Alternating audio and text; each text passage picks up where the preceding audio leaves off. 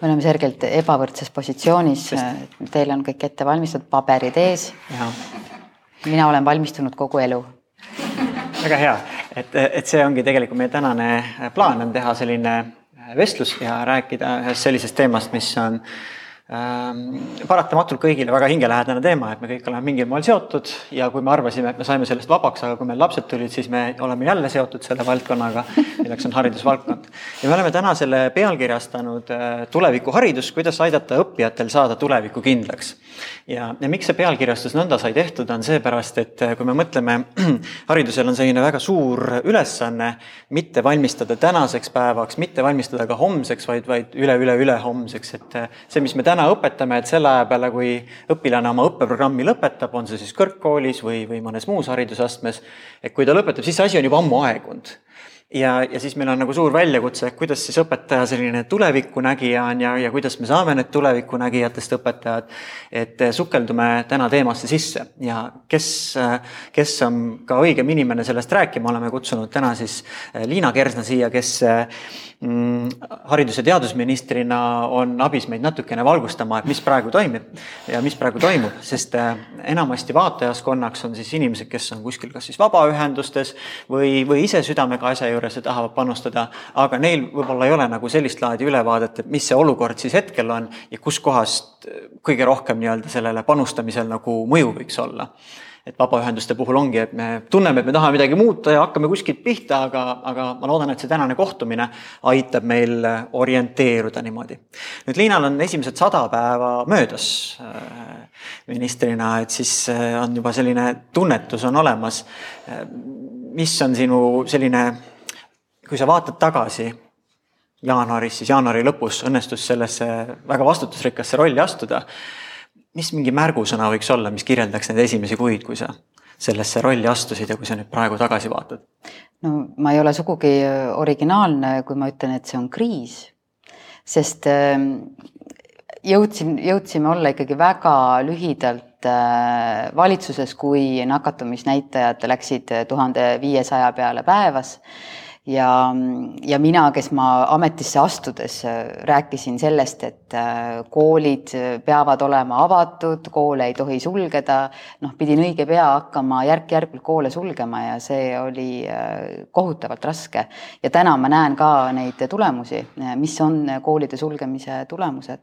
nii et üks märksõna on kriis kindlasti ja ja teine märksõna selle kriisi kõrval on, on see, et ühtegi kriisi ei tohi ra raisku lasta ja mm. tegelikult kriis ju alati äh, näitab ära, mis on süsteemi tugevused ja mis on süsteemi nõrkused ja täpselt samamoodi ka see äh, Covid kriis on näidanud ka haridusvaldkonnas ära, mis on meie tugevused ja mis on nõrkused.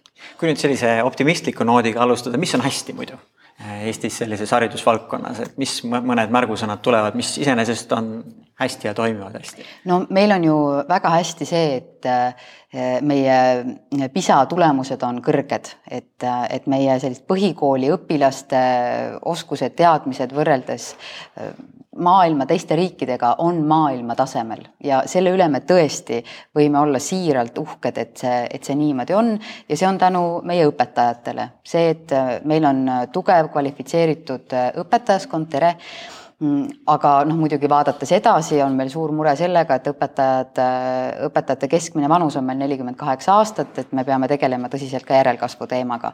siis mis on meil veel meil väga tugev, on see, et me oleme, võib-olla endale ei tundugi nii, aga, aga võrreldes jälle teiste riikidega ikkagi nagu haridusinnovatsiooni sellised eestvedajad. see, et me oma dokumentides, arengudokumentides rõhutame hästi palju lõimingõpet, rõhutame üldpädevusi, jälle me oleme jõudnud sinnamaale, et meil on see igal pool juba kirjas ja me nagu samm-sammult ikkagi tegutseme ka selle nimel, aga kriis näitas, et äh, vähemalt üks kolmandik õpilastest äh, ei ole ennastjuhtivad õpilased, kes jäid selgelt hätta distantsõppe ajal, mis nõudis äh, enesejuhtimisoskusi ja noh, sealt tuleb ka jälle järeldusi teha, et kuidas me õpetame siis neid lapsi paremini ennast juhtima, et tulevikus distantsõppega paremini hakkama saada või üldse noh, nende tegevustega, mis nõuavad enesejuhtimist ja tegelikult see kõik ongi ju tulevane elu ju seda ainult nõuabki. kas see statistika oli, et siis kolmandik olid väga rahul, kolmandik oli väga rahulolematud ja kolmandik oli noh. enam-vähem nagu ja täpselt nii oligi jah mm -hmm., jah just okay., et eh, see on ka päris hea märk ikkagi, et üks kolmandik õpilastest ütles, et neile see iseseisev õppimine sobis palju paremini, nad õppisidki kiiremini, efektiivsemalt, nad said ise oma aega planeerida, see on väga suur väärtus ja see on nüüd ka meie haridussüsteemi edu edasine väljakutse, et kuidas me kõnetame neid lapsi, kes tegelikult äh, tahaksid jätkata distantsõppel, kellele see sobis paremini. ja noh, siin näiteks meil on ka juba häid näiteid, kus koolid mõtlevad selle peale, et need, kes, äh, kellele sobis see distantsõpe, et nad saaksid ka jätkata vähemalt mingilgi määral isesei-, suurema iseseisva õppimisega. aga no üldiselt koolid veel selleks valmis ei ole. Kui, kui sa nüüd esindad, ütleme Eestit ja räägid mõnele välismaa äh, haridusvaldkonna inimesele Eestist, mis sõnu nende jaoks kasutada või mida nende jaoks välja tuua, et vaata, meil Eestis on see lahe ja see lahe? No see ikkagi äh, meie digilahendused on äh, need, millega jälle ka Covid kriisi kontekstis me paistsime silma, et esiteks Äh, meil oli olemas võrreldes väga paljude teiste riikidega kogu see taristu pool, et noh, meil kodudes on arvutid muidugi oli ka selliseid peresid, kus ei olnud kodudes piisavalt arvuteid ja me aitasime, et äh, suurusjärk kolm tuhat arvutit äh, sai välja jagatud. teiseks, meil lastel ja ka õpetajatel olid piisavad digipädevused, et kiiresti orienteeruda ümber.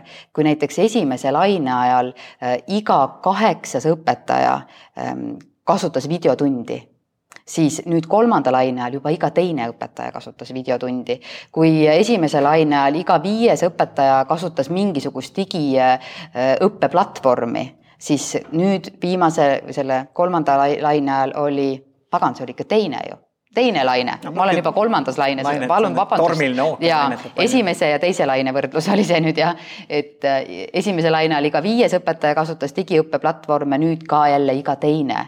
et hästi kiiresti suutsid meie õpetajad äh, kohaneda ja jah, et nende selline üldised, üldine digioskuste baas oli, oli parem ma võtan siia kohe ühe suure küsimuse ka, et suure küsimuse selles kontekstis, et tunnetame, kui, kui oled oma selles äh, ametiaja ära ja, ja on see siis mingite aastate pärast ja kui sa tagasi vaatad, mis sulle tundub, mis võiks olla üks selline nagu, et noh, nii-öelda tehtud või, või nii-öelda, et selline suur samm või suur mõju, et mis, kas sul on selline isiklik äh, suur asi, mida sa tahad ajada selles rollis?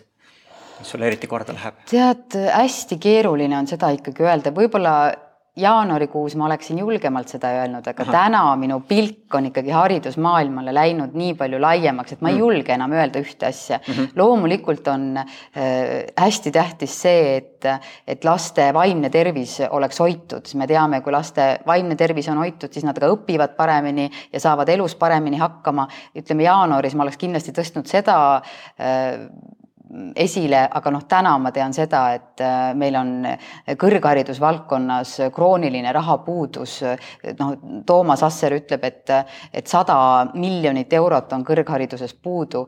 et äh, kuidas seda olukorda lahendada, teaduses on palju probleeme, et, et see mm, äh, see jah, et Spektrum. millega nüüd ajalukku jääda, eks seda näebki tulevikus, aga vähemalt selle poole aasta jooksul äh, mida ma olen suutnud muuta ja ma arvan, et see on olnud äh, teistmoodi kui enne, et kui ma olin Riigikogus ja selle esimese laine all küsisin nii haridusministri kui ka peaministri käest, et et kuidas te päriselt aitate koole, kuidas te päriselt aitate õpetajaid, et, et selle kriisiga hakkama saada siis ähm, ja, ja õpilasi ka ju seeläbi, siis äh, tõesti, et nüüd selle teise laine ajal me suutsime ellu kutsuda nagu väga praktilisi nagu algatusi selleks, et, et õpetajaid ja lapsi aidata, noh näiteks ülikoolidega koostöös hästi kiiresti sai välja töötatud lõpetajatele, nii üheksandikele kui kaheteistkümnendikele ettevalmistuskursused, tuhanded noored võtsid sellest osa ja, ja kui mul käivad näiteks töövarjud või no enamasti antakse väga positiivset tagasisidet sellele, me käivitasime õpetajate tugiliini, sest et uuringu es esmased tulemused näitasid, et õpetajad töötavad läbipõlemise piirkonnas, piiri peal, vaimse tervise probleeme oli paljudel, aga kuidas me neid aitame, no need Suurbritannias tehti selline tugiliin, mõtlesin, proovime ka, et no kui ei õnnestu, ei õnnestu, aga me vähemalt oleme proovinud. Noh, et, et me püüdsime teha selliseid praktilisi asju, üliõpilased läksid koolidesse appi.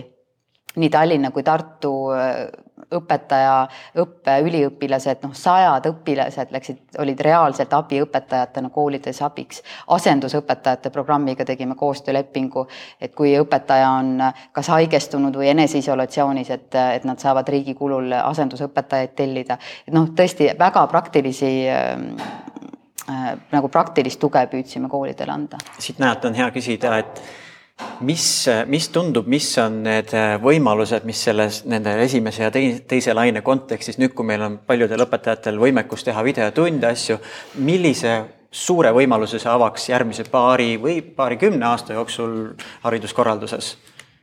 et see tekitas nagu mingiteks tehnilise poole pealt mm -hmm. oluliselt suurema valmiduse, tekitas nagu sunnitud sellise hüppe, mis, mis sealt võib kasvada? Mm, ma arvan, et see on hetkel suurepärane aken jätkuvaks haridusinnovatsiooniks, sest eh, ma arvan, et meil pole kunagi olnud sellist olukorda, kus eh, ühiskonnas on nii suur arusaamine, et eh, personaliseeritud õpe on päriselt võimalik, kui meil on nagu õiged vahendid selleks. ma arvan, et seda saavad aru õpilased kes on näinud, kui, kui nagu noh, vabandust väljendusega, mingit nõmedat tööd nad on pidanud tegema, kuigi nad võiksid teha hoopis efektiivsemalt seda tööd.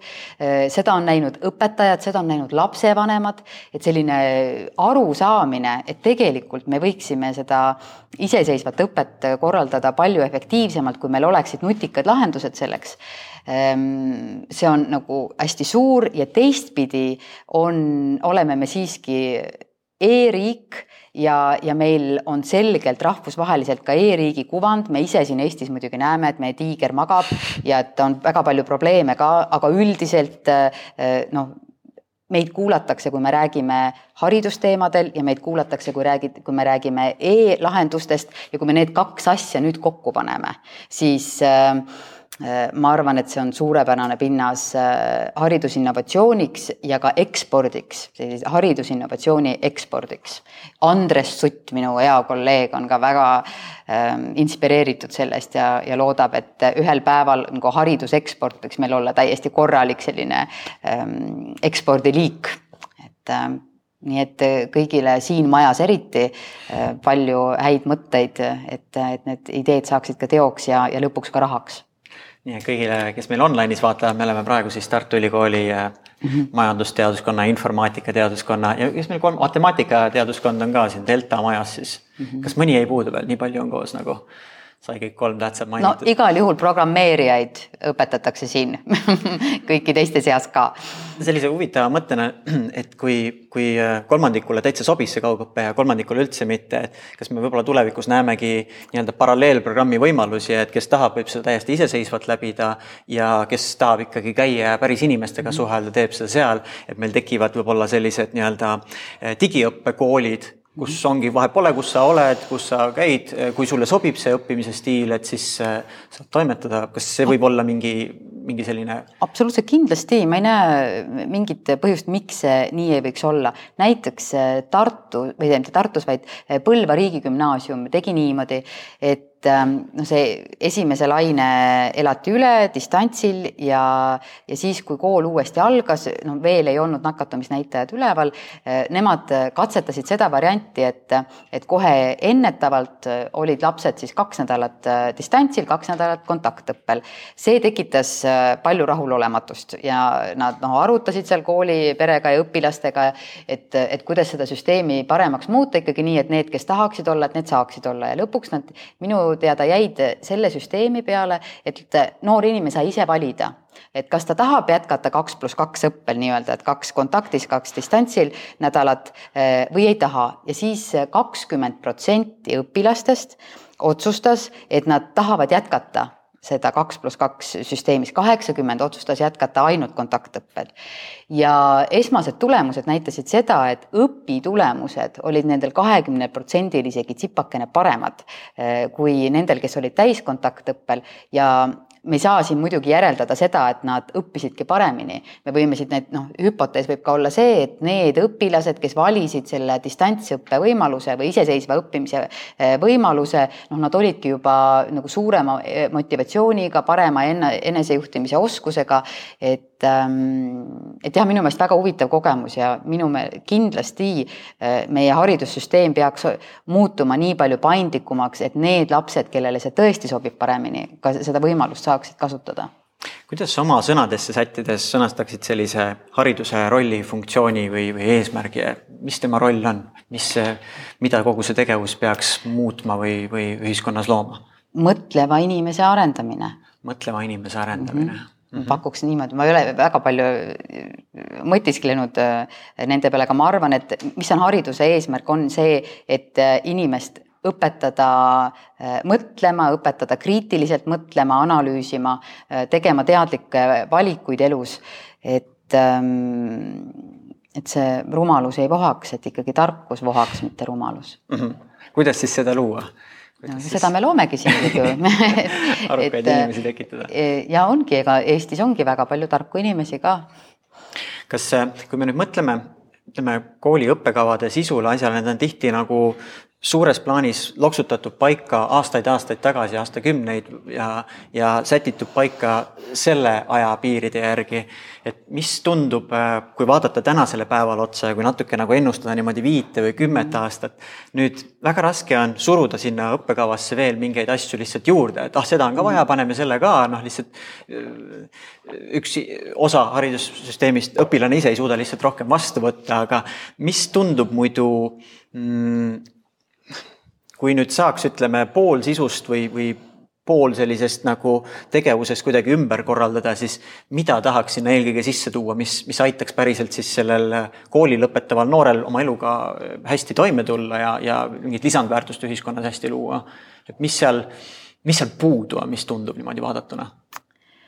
no kui me tuleme uuesti tagasi selle kriisi juurde, siis et just, et see kriis näitas seda, et needsamased üldoskused Mm, noh, on ikkagi märkimisväärsel osal noortest puudulikud mm -hmm. ja samas me ju tahame, et, et inimesed oleksid ennastjuhtivad.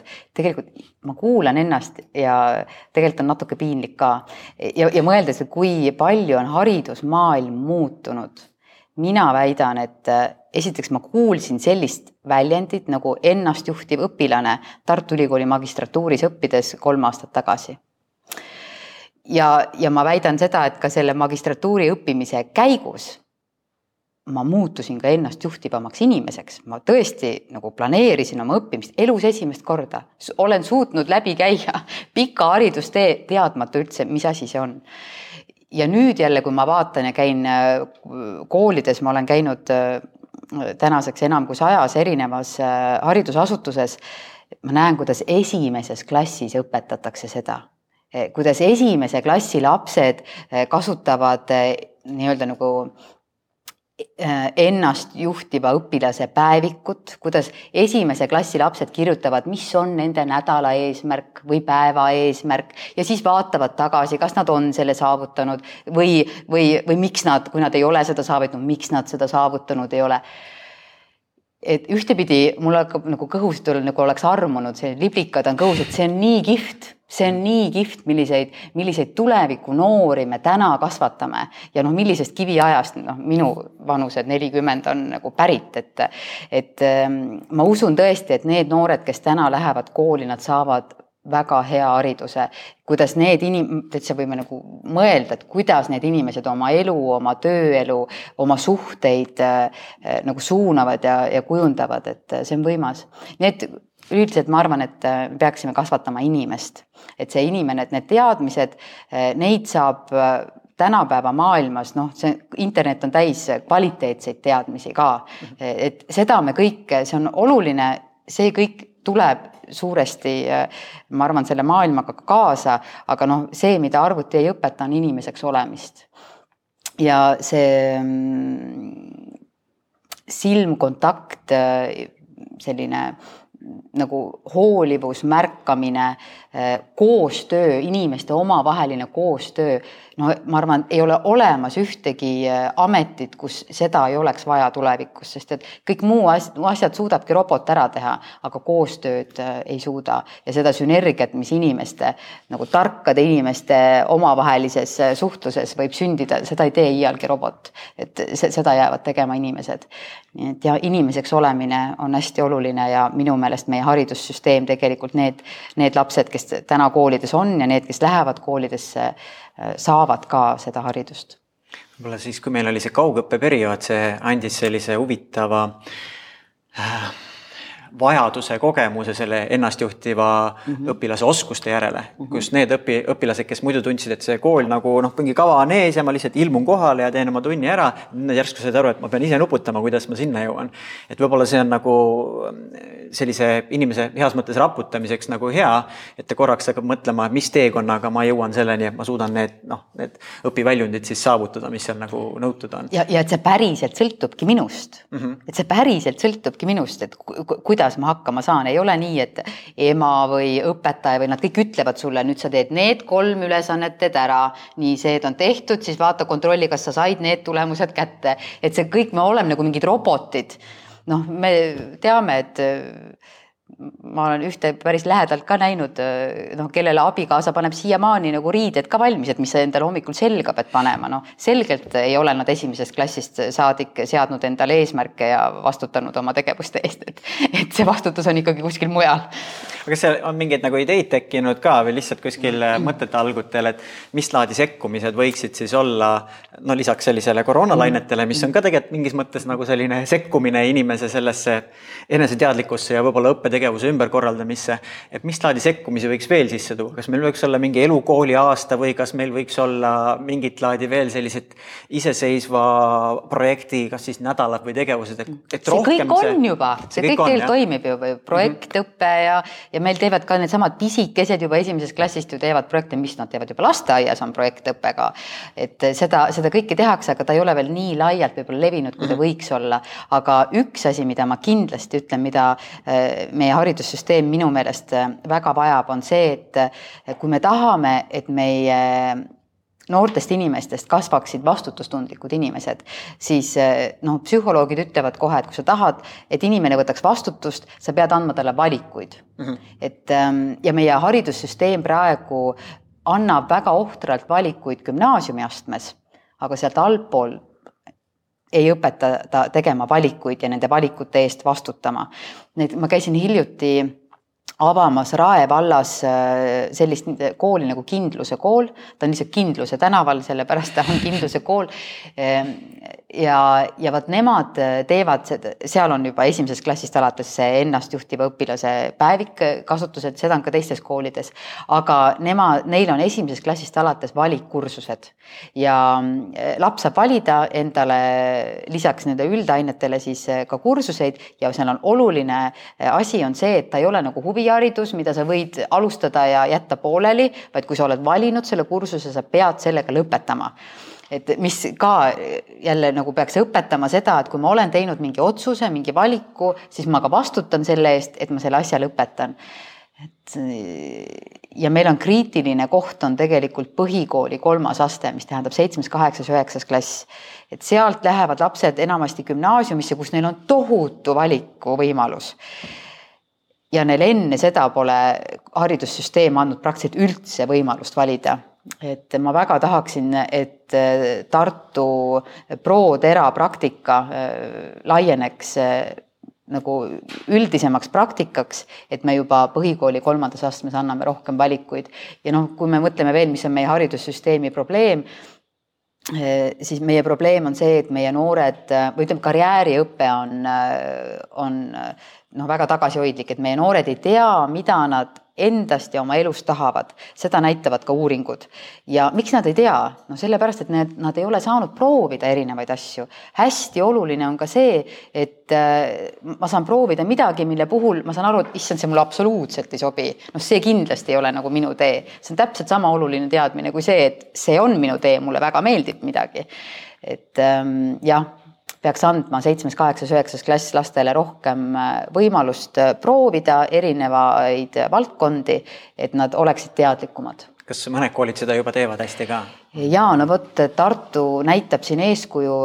Tartu erakool tegi ProTera, kus ongi eraldi seitsmes, kaheksas, üheksas klass ja ne, nad käivad äh, mööda seda Tartu linna erinevates koolides, äh, ka kutsekoolides äh, erinevatel kursustel mm -hmm. ja Nad saavadki mingi väikse ühepäevase kursuse ei, ei, ei, ei, ei, ei, ikka pika. Lähedki kutsekooli ja, ja siis seal ja, ütleme saad. ja saan mingi konkreetse oskuse Aha, kätte okay.. arvutitehniku ja, või midagi sellist. seal on nagu. disaini tehakse ja noh, hästi, see on hästi lai ampluaa. kas nad siis nagu lõimuvad valida. sinna teiste õppijatega samasse klassi või kuidas see korraldatud on? ja tead sa, nad saavad, äh, neil on, seal on ka niimoodi, et äh, seesama seitsmes, kaheksas, üheksas klass, vaat nemad omavahel saavad valida ühte ja samu kursuseid mm. -hmm. et, äh, et ei ole nii, et ma olen nüüd seitsmendas, nüüd ainult seitsmendikud õppejõud lähevad kuhugi, vaid, vaid sa saad erinevatel aastatel valida nagu erinevaid kursuseid ja need on minu teada on need ikkagi nagu eraldi neile tehtud kursused, mitte nii, et nad. Nad lähevad oma terve klassiga nagu, et päris seda ei, ei ole. Nad, et... nad lähevad äh, selle kooli peale, et seitsmes, kaheksas, üheksas klass, kõik, kes on valinud selle kursuse, lähevad seda ühte kursust võtma. okei okay., see oleks eriti pull variant, kui nad nagu sulanduvadki päris teiste õppijatega, tuled siia ja oled näiteks noh, võtad majandusloengut, seal on teised ja kõik nii ja proovid ka kuidagi järjele saada ja, ja noh, et siis see nad nagu. Nad ikka nagu... püüavad seda disainida nii, et see oleks ka e-, eakohane okay.. jah nojah, selles võib-olla seitsmendas klassis läheb nagu kohe keeruliseks ära, kui matemaatikatundi satud siia, et siis. aga samas jälle vaata, minu meelest on suurepärast tööd teinud Tartu Ülikooli äh, teaduskool, mis ju pakubki äh, veebikursuseid äh, neile, kes tahavad mingisugusesse valdkonda nagu rohkem süveneda mm. -hmm. ja, ja see on kõigile avatud, et noh, kõik võivad, oled sa kas Antslast või oled sa Tallinna kesklinnas, see on kõigile avatud ja, ja seal on küll võimalus juba saada ainepunkte. aga kui on, meil on alati nagu mingi hulk õpilasi, kes on ise väga sellised hakkajad ja huvitunud ja siis mhm. tükk tühja maad ja siis suur hulk õpilasi, kes kuidagi nagu magavad kogu need kooliaastad läbi ja siis pärast vaatavad, et ah, nii sai ka. et Mm, kas, kas siin ongi selline nii-öelda loodusliku valiku asi, et need, kes hakkemad on, need vaatavad neid veebiloenguid seal ja teises kohas ja, ja toimetavad ja kütavad või, või kas on võimalik kuidagi luua sellist pinnast, et noh, kas nüüd kõigile tingimata, aga suuremale hulgale muutuks see üsna loomulikuks juba varajases eas, et nad mõtlevad, mida ma tahan teha, nad käivad midagi katsetavad. viie aasta pärast võib-olla tuleb hoopis teine mõte, aga neil on nagu alati miski sees, mille poole nad tahavad liikuda, püüelda mingi nagu huvi äh, maailma mhm. vastu. et, et kuidagi Äh, võib-olla, võib-olla kui me mõtleme praegu selle sotsiaalmeedia ajastule, kus meil on noh, Tiktokid ja muud asjad, siis on nii, nii palju on võimalik enda meelt kuskile mujale suunata, kui mõelda, et mida ma luua tahaks, vaid lihtsalt noh, vaadata, et mis seal järgmisena tuleb.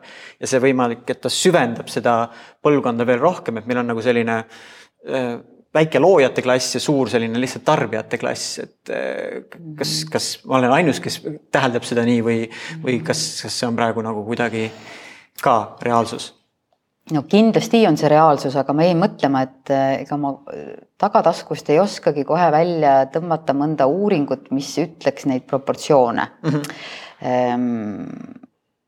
no te kindlasti olete kuulanud eh, Jaan Aru loenguid, mis noh, mida see kogu see nutindus meie ajuga teeb ja, ja see, ma usun, et väga paljudes peredes on see pidev võitlus ja väga suur mure et äh, kuidas need äh, noored inimesed sellesse nutimaailma äh, nagu upuvad, et kuidas nad ei kontrolli seda enam ise ja see on kõige ohtlikum, kui, kui sa nagu upud sinna. et mida kõike sa võiks selle ajaga teha, et see on mure. samas jälle see on ka maailm, vot just nimelt, kus on võimalik noh, ka näiteks läbida teaduskooli e-kursuseid, et, ta ikkagi pakub ka äh, häid võimalusi. aga ma arvan, et siin on äh, hästi oluline lapsevanemate äh, nagu lapsevanemate koolitus või niisugune noh, teadlikkus, et et kui, et kuidas hakkama saada selle uue põlvkonna, kuidas vältida seda, et ühel hetkel ta sinna upub.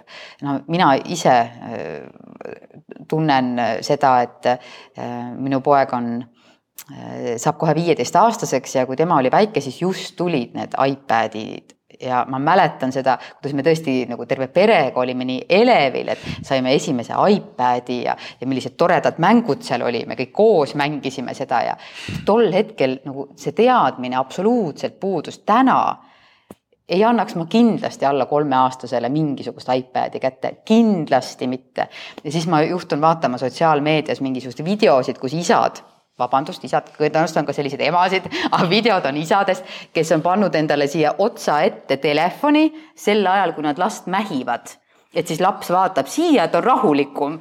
no õud tuleb peale tegelikult, et ähm, et täna meil on seda teadmist ikkagi nii palju, et olla teadlikult väga ettevaatlikud, et lapsed ei upuks sinna ära. kui, kui me nüüd korraks nagu sukeldume sellesse bioloogiasse sisse, mis tekitaks inimesel nagu sa lähed oma Youtube'i avalehele, siis sul on seal väga huvitavad arvamusliidrid ja siis on NASA kosmoseprogramm ja Rakett kuuekümne üheksa saated ja muud asjad. ja nüüd sa valid, et kumba sa klikid, et mis nõksu meil on siis vaja teha, et klikitaks pigem midagi sellist, mis, mis teda edasi võiks viia.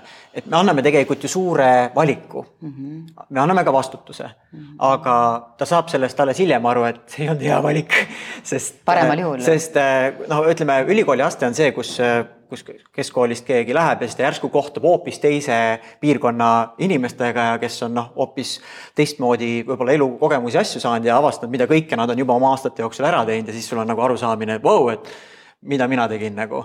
et aga, aga noh, siis on natuke hilja ärgata või noh et.... ma pidevalt tunnen seda et äh, issand jumal, mida mina tegin, et kümme aastat nooremad on juba doktorikraadidega ja ma ei tea, kaasprofessorid ja siis ma mõtlen küll, issand jumal, mida mina tegin oleneb, mis kategoorias olla, eks ole, mis kellegi selline nagu mm, -hmm. nagu suund on olnud, aga võib-olla see ongi nagu üks kõige valusamaid asju, see kahetsus inimesele, kui ta jõuab mingisse ikka ja siis ta saab, ta mõistab, et mida kõike ta oleks saanud teha, aga ta ei teinud seda. ja nüüd on küsimus, et kuidas me saame selle noore, kes on selles kohas, kus ta saab neid valikuid teha neid samme tegema no,. kas, kas päris elu peaks kuidagi nagu varem korraks kätte jõudma ja siis saab uuesti tagasi kooli minna või, või? minu meelest on kõige tähtsam on hoida huvi et kui inimesel on millegi vastu huvi, siis äh, seda huvi peab äh, toitma ja andma võimalusi seda, sellel huvil äh, nagu kasvada ja areneda.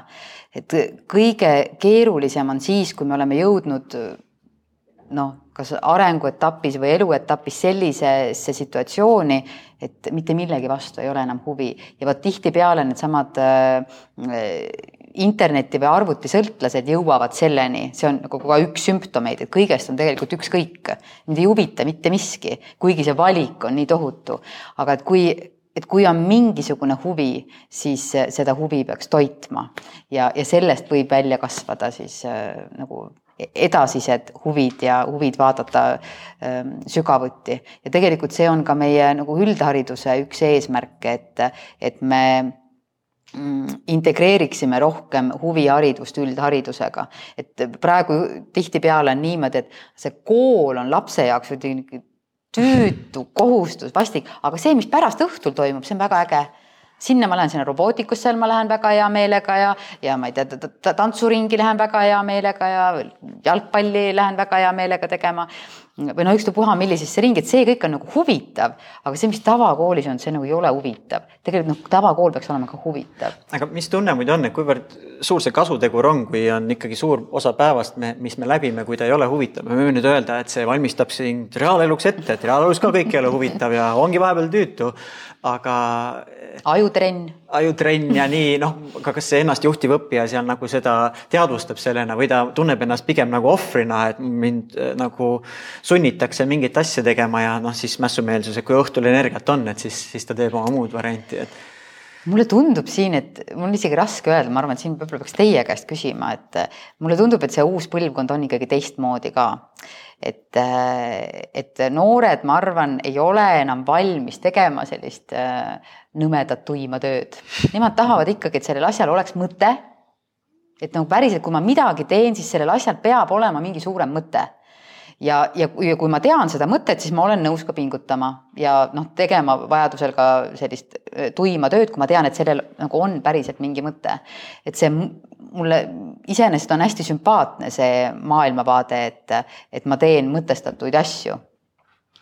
et aga oota, ja ma läksin nüüd kuskile teisele rajale. edasi, lihtsalt mõnes mõttes, mis meil nagu praeguses sellises noh, üldhariduse korralduses on, me püüame nagu kõigile keskmiselt anda mingi nagu baasi mm. -hmm. no kõigil natuke matemaatikat, geograafiat ja kõike mm -hmm. niimoodi, et on nagu baas, aga noh mõnes mõttes küsimus tekib, et kas ta on efektiivne, kas ta soovib seda praegu vastu võtta, võib-olla ta tahaks lihtsalt võtta hästi palju ainult vot seda teemat nagu mm. -hmm. et kas ja, meil ja. ühel päeval võikski olla see korraldus nõnda, et meil ongi täiesti nagu ise juhitud kogu õppekava, kui meil on need noh, sisuliselt ja. loodud piisavalt ja. Äh, digilahendusi ja siis jääb lihtsalt üks küsimus võib-olla, mis mulle tundub, et seda nagu tagasi hoiab, on see küsimus, et praegu me ikkagi lõpetame kooli ära, me saame diplomi, ütleme, näete, mul on nagu mingi level käes.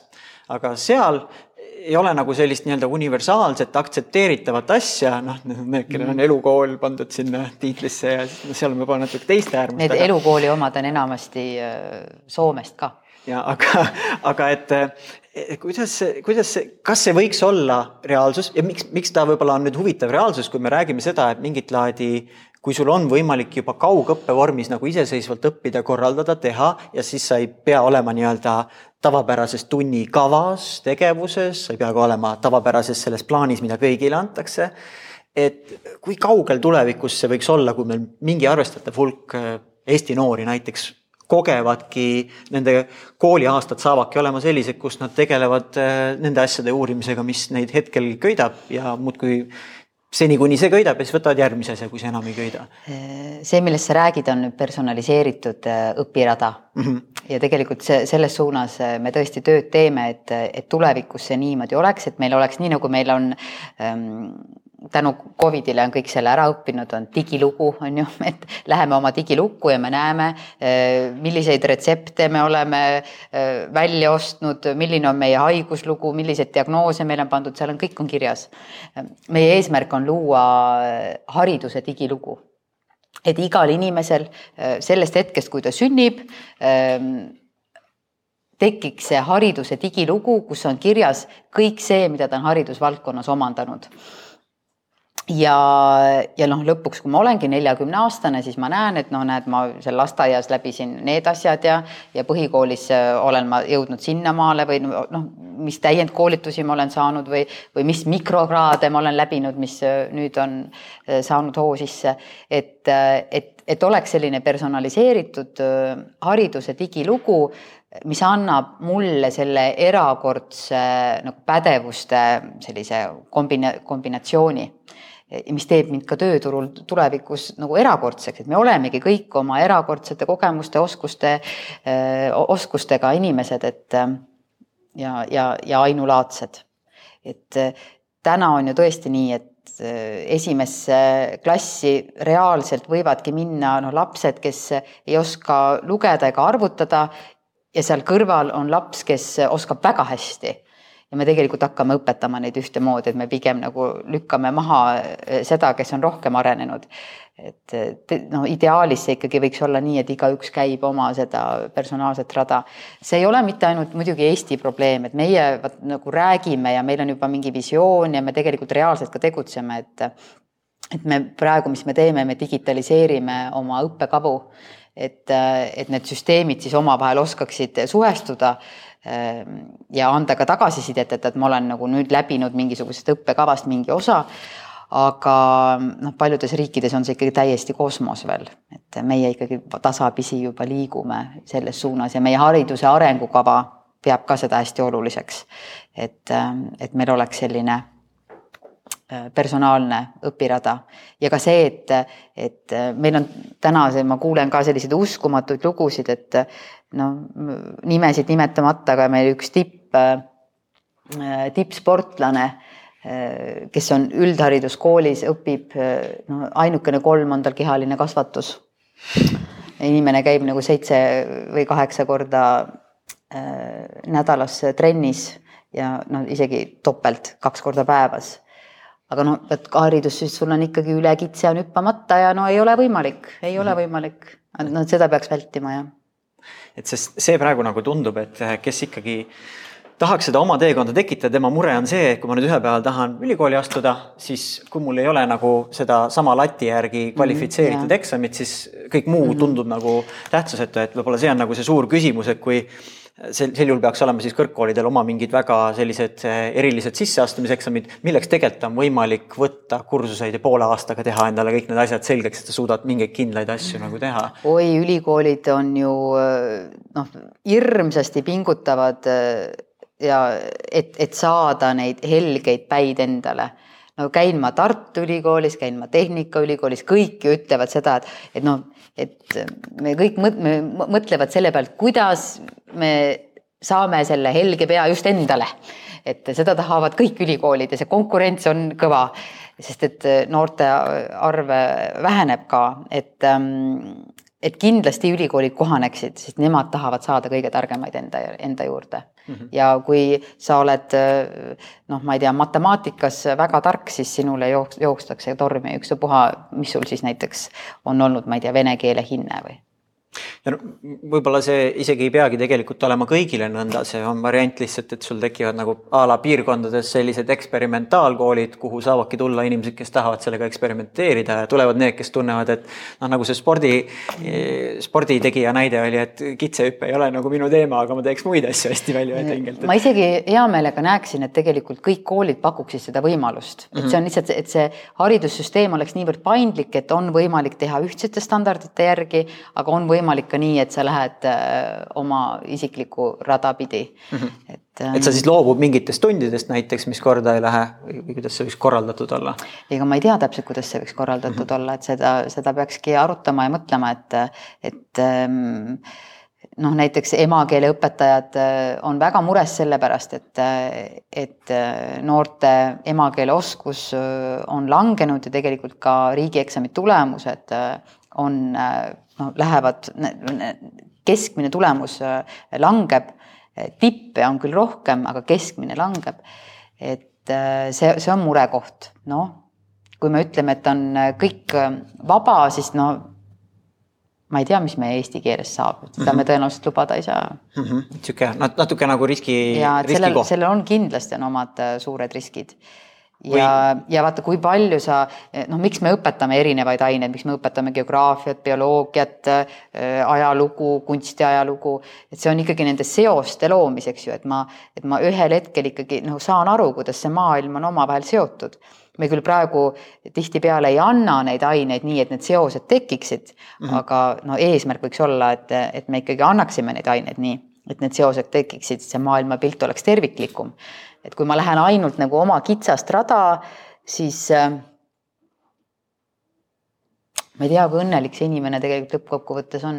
ta võib muidugi selle kitsa raja ümber ehitada, need asjad, et. jaa, elukestev nagu õpe alati annab. kohandatult äh, lõimid selle enda huviga, sest paratamatult, kui, kui noh, kui palju õpetajad püüavad, nad ei suuda seda igale õpilasele seostada tema huvi, huvide ja asjadega võib-olla siin see lahendus võiks olla see, kui noh, mainisid, et näiteks keeleõpe, et see võib nagu soiku jääda, et meil on nagu mingid fundamentaalsed asjad, mida on võimalik teha iseseisva õppimisega, on vajalik läbida eksam. see on umbes nii nagu praegu, kes tahab Eesti kodanikuks saada, peab siis nagu keeleeksami läbima. et sama asja, sa võid olla, et sa ei käi eesti keele tundides, aga tee see asi endale selgeks ja sa pead selle läbima nagu eksami. ja kui sa selle eksami läbid, et siis sa nagu kvalifitseerud, et okei okay, sa, sa mõistad asja. tegelikult seda saab praegu ka teha. saab niimoodi teha? jaa mm, -hmm. aga siis peab lihtsalt äh, olema koduõppele registreeritud Mm -hmm. et koduõppel olevad lapsed ju on nii, et nad äh, õpivad äh, iseseisvalt, kas vanemate või eraõpetajate, ükstapuha kellegi toel, aga nad käivad lihtsalt vastamas, nad annavad mingi regulaarsusega siis ülevaated, kuhu nad on jõudnud oma õppimistega. ja, ja ma olen ka olnud ühel ähm, noh, seminaril, kus äh, ühe koduõppe isa, kelle lapsed olid koduõppel, rääkis oma kogemusest ja nende lapsed läbisidki neid klasse noh, elegantse kiirusega palju kiiremini kui teised, nad õppisidki reaalselt palju kiiremini ja andsid ka neid eksameid äh, nagu ette ära. Nad võib-olla vaatasid, et mis see lõppeesmärk on, mida mm -hmm. pean mhm. oskama ja siis keskendusid selle mm -hmm. timmimisele võib-olla. jah, võib-olla. et ei, ei rohisenud nii-öelda kogu sellise ajaga kaasa, et ja. saad noh, täpsemalt sihtida. noh, tegelikult öeldaksegi, et äh, selline grupis õppimine äh, noh, niimoodi klassikaliselt klassis õpetaja ees, lapsed klassis õppimine on üks ebaefektiivsemaid viise üldse mm. -hmm et, et see individuaalse õppimise mõttes inimesed liiguvadki palju kiiremini edasi, kui see individuaalne õppimine on toetatud. aga teistpidi jälle me tahame ju seda, või tähendab teistpidi näiteks meeskonnas õppimine on ka ju teaduslikult kinnitust leidnud, et see on väga efektiivne viis õppimine. et me ei ole lihtsalt nii, et me oleme kõik suu ammuli ja kuulame, mida tark inimene ütleb ja siis paneme kirja ja õpime pähe, et see on nagu ja me teeme seda kõik koos, see on, võtab palju aega mm. -hmm. aga, aga nagu meeskonnas õppimine on jälle väga efektiivne nii et peaks tiimid nagu, olema. tiimid ja need tiimid võib-olla ongi siis oma teemade huvide ja, põhiselt. just, see oleks väga kihvt. kui me nüüd räägime selliselt personaalselt juhendatud õppes, kus igalühel oleks ligipääs mingit laadi mentorile, juhendajale, õpetajale, siis eh, noh, muidugi kui nad on väga ennastjuhtivad, siis nad ei vaja üldse tundides seda ligipääsu palju, neil on võib-olla konkreetsed küsimused. aga kas, kas praegune nagu selline korraldus oleks valmis selleks, kui ta noh, nii personaalselt seda pakkuma. et on, on sul juhendajad saadaval siis, kui sa neid vajad, aga läbid enda teekonda ise. vot ma arvan, et te võiksite järgmine kord kutsuda siia äh, sellel teemal rääkima Alo Savi mm, -hmm. kes on selle Põlva äh, riigigümnaasiumi juht ja nemad noh, nagu ma enne rääkisin, et nemad tegi, ka katsetasid seda, et ähm, seal oli õpetajatel probleeme, et noh, tõesti see töökoormus oli suurem, sest et oli hulk lapsi või noori, keda nad pidid siis väljaspool neid tavapäraseid tunde veel nõustama, aga nad suutsid selle ikkagi ära korraldada, nii et see toimis.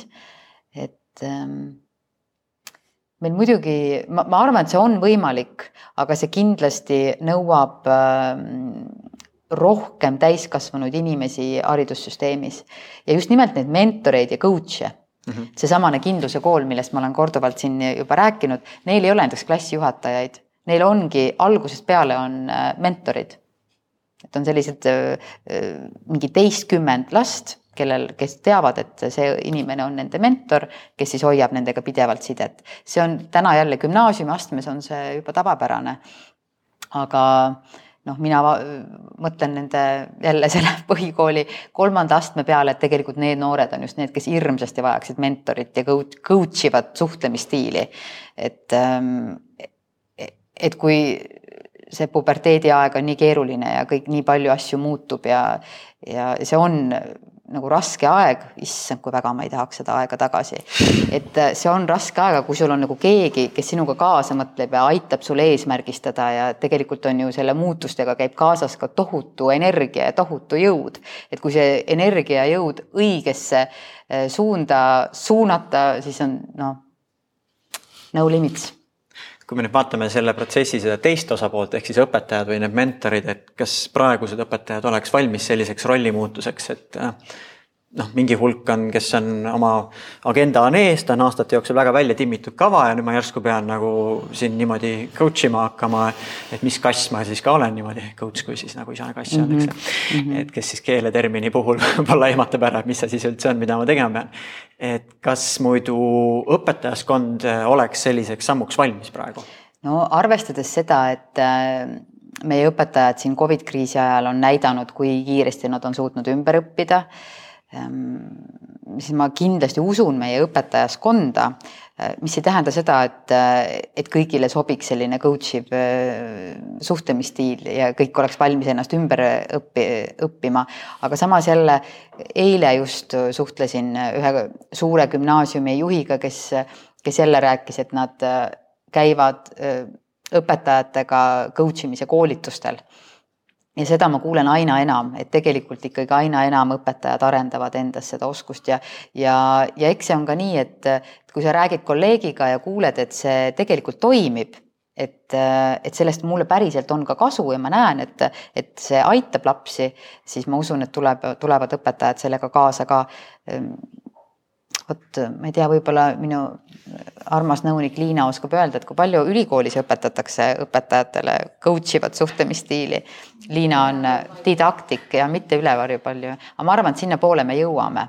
et, et see, et see läheb ka juba baaskoolitusse no seal on, kui me räägime päris nooremast põlvkonnast, siis on ka küsimus äh, mitte ainult õpetaja kontekstis, vaid kas vanemad suudavad ka seda hallata ja läheneda, et kas nemad ka suhtuvad sellesse nõnda, et äh, see võib anda. vanemaharidus on nagu ülioluline, ülioluline, et väga paljud probleemid me saaksime lahendatud siis, kui vanemad oleksid teadlikumad ja see ei ole üldse mitte mingisugune etteheide, et ma ei tea, meil on rumalad vanemad, mitte seda vaid eh, noh, lihtsalt ei tea, et eh, me teemegi lapsevanematena vigu teadmatuses, me kõik tahame oma, oma lapsele ju head, aga kui me ei tea, siis, eh, siis on raske ka ette heita, nii et vanemaharidus on väga paljudes valdkondades võtmeküsimus kui me nüüd natuke oleme siin niimoodi orienteerunud siin haridusmaastikul ringi, me oleme küll noh, rääkinud võib-olla rohkem sellisest noh, kas siis ütleme keskkooli, põhikooli astme, gümnaasiumi astmest sealt otsast, mitte tingimata sellest, mis eriti kange teadus tuleb seal kõrgkoolis, mis on ka noh, sinu valdkond, aga, aga võib-olla see on selline, mis kõiki niimoodi kõige vahetumalt nagu kõnetab.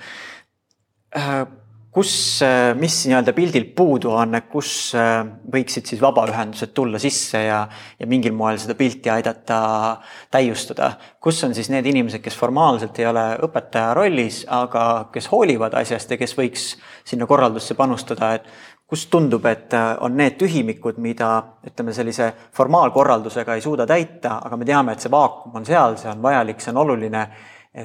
mida saaksid vabaühendused teha, et, et seda liigutada sinna suunas, kus meil on ennastjuhtivad õppijad, kes, kes suudavad sellist nii-öelda individuaalset kava läbida ja suudavad kogu asja eest vastutada ja, ja kes siis lõpus vaatavad tagasi, ütlevad, hästi on tehtud, et ei ole mm. nagu kahetsusi nii palju.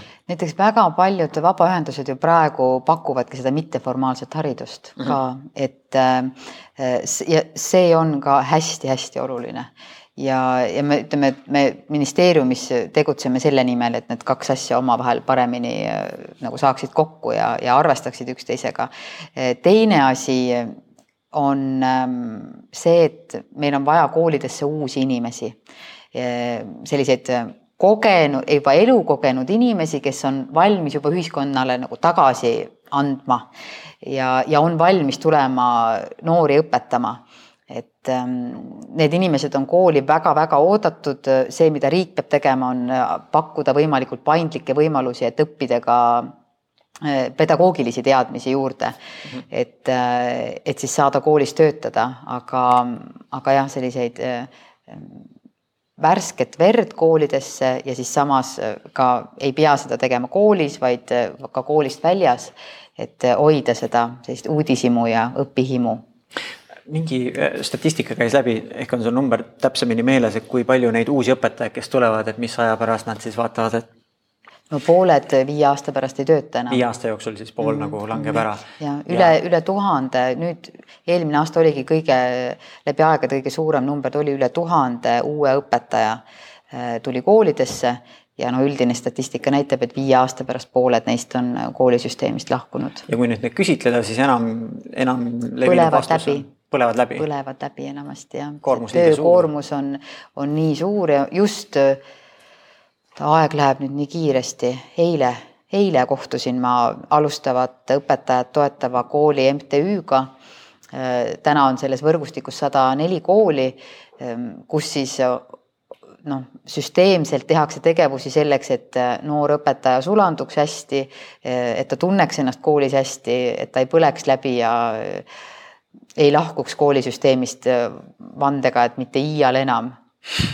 et ähm, sest see ongi raske töö, see on, see on ikka väga-väga raske töö, kui sul, äh, kui sul puudub toetus ja noh, koolisüsteemis sa võid ikkagi uppuda selle töö alla, et jumal, ma mõtlen ikka nagu päriselt äh, paljudes koolides ju distantsõppe ajal, kus sul on ühes klassis on kolmkümmend pluss õpilast näiteks oled matemaatikaõpetaja ja, ja süsteem on selline, et äh, iga laps saadab sulle nagu koolipäeva lõpuks või no tunni lõpuks pildi oma töövihikust ja kui palju neid pilte sinna postkasti päeva lõpuks tuleb, no ütleme, et noh, paremal juhul kuskil sada viiskümmend, halvemal juhul veel rohkem. Ja siis see õpetaja peab vaatama neid telefoniga tehtud pilte ja tuvastama ära, kas see ülesanne on õigesti. no tähendab, see on lihtsalt pöörane, ma, ma, ma tegelikult ka ei kujuta ette, kuidas nad said hakkama, aga päriselt õpetajad tegid sellist tööd, noh aga nüüd mingi hulga õpetajate ja õpilaste jaoks on tunne on selline, et õpetajad päeva lõpuks tunnevad, et issand jumal, ma ei jaksa enam ja õpilased tunnevad, mina ka ei jaksa enam. et nii vastik on, mida me teeme ja õpetaja mõtleb ka küll, see on vastik. mis me valesti teeme, mis, mis värk on?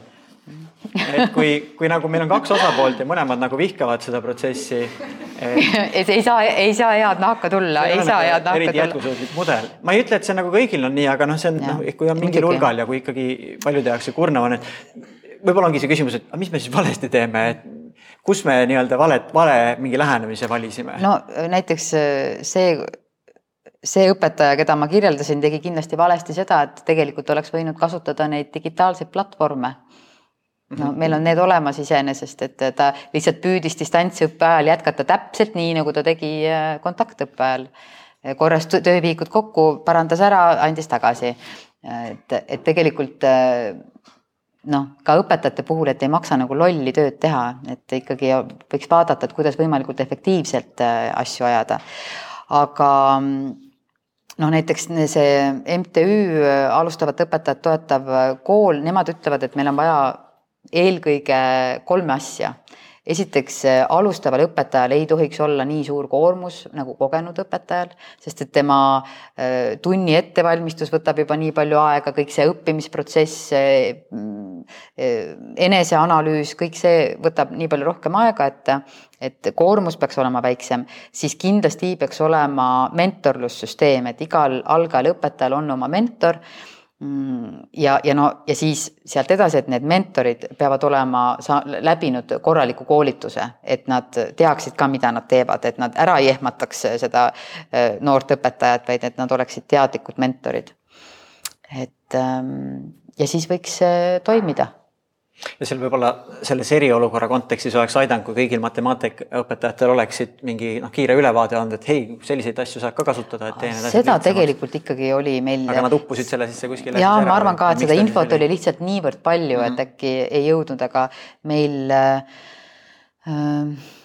haridusministeeriumi allasutus Harno Haridus- ja Noorteamet tegelikult korraldas erinevaid seminare, need olid ka õpetajate seas päris populaarsed, kus siis tutvustati neid erinevaid digitaalseid platvorme, mida, mida kasutada mm. -hmm. kas meil muidu selle jaoks on nagu mingid sellised intelligentsed platvormid, tunnikontroll on ühe näide ja kontrolltöö võib-olla ka, mis iseenesest annab ka õpetajale tagasisidet, et mille, milles ma natuke mööda panin, aga et oleks kuidagi nagu automatiseeritud, et õpilane vastab selle ära, see süsteem on, automaatselt kontrollib ja, ja tagasisidestab talle, mis ta nii-öelda eh, nihu läks on. nagu kohe, kohe kui on tehtud, et kas need on rakendusel ka või? on, eh, neid, neid on olemas, eh, noh näiteks ka eesti keeles on neid olemas, neid on matemaatikas olemas mm -hmm. ja siis on eriti peen selline tagasisidestamise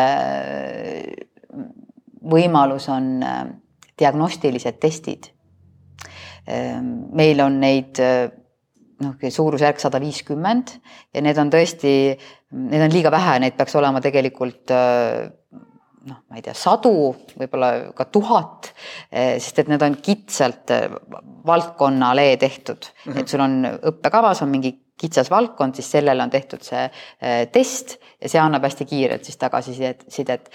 riik on panustanud nii Eesti maksumaksja raha kui Euroopa Liidu maksumaksja raha, mis on ka Eesti maksumaksja raha, äh, nende testide loomisesse ja, ja minu suureks üllatuseks nende testide kasutatavus on väga madal mm.. et me tegelikult, see on, noh, ma täna juba vaatan ka enda otsa, et me oleme nüüd püüdnud ka sellega tegeleda, et seda teadlikkust tõsta, et meil tegelikult on olemas need testid ja et koolides võiks neid rohkem kasutada aga ta tundub natuke hirmutav ja kuidas ta toimib ja siis inimesed ei tule nii kergesti nagu. ja tõenäoliselt ei ole ka õpetajatele seda jah, niimoodi presenteeritud, et, et see ne, nende elu kuidagi lihtsamaks teeb. rääkides nendest igasugu, ütleme digiabivahenditest, mis praegu sellist põnevamat on tulemas, kas siis erasektorist või kuskilt, kas on nad mingid nagu noh, digiõppevahendid või mingit laadi sisu või, või õpi sellised objektid, mis hetkel tundub, et mida Eestis hetkel on susine, susisemas nii-öelda?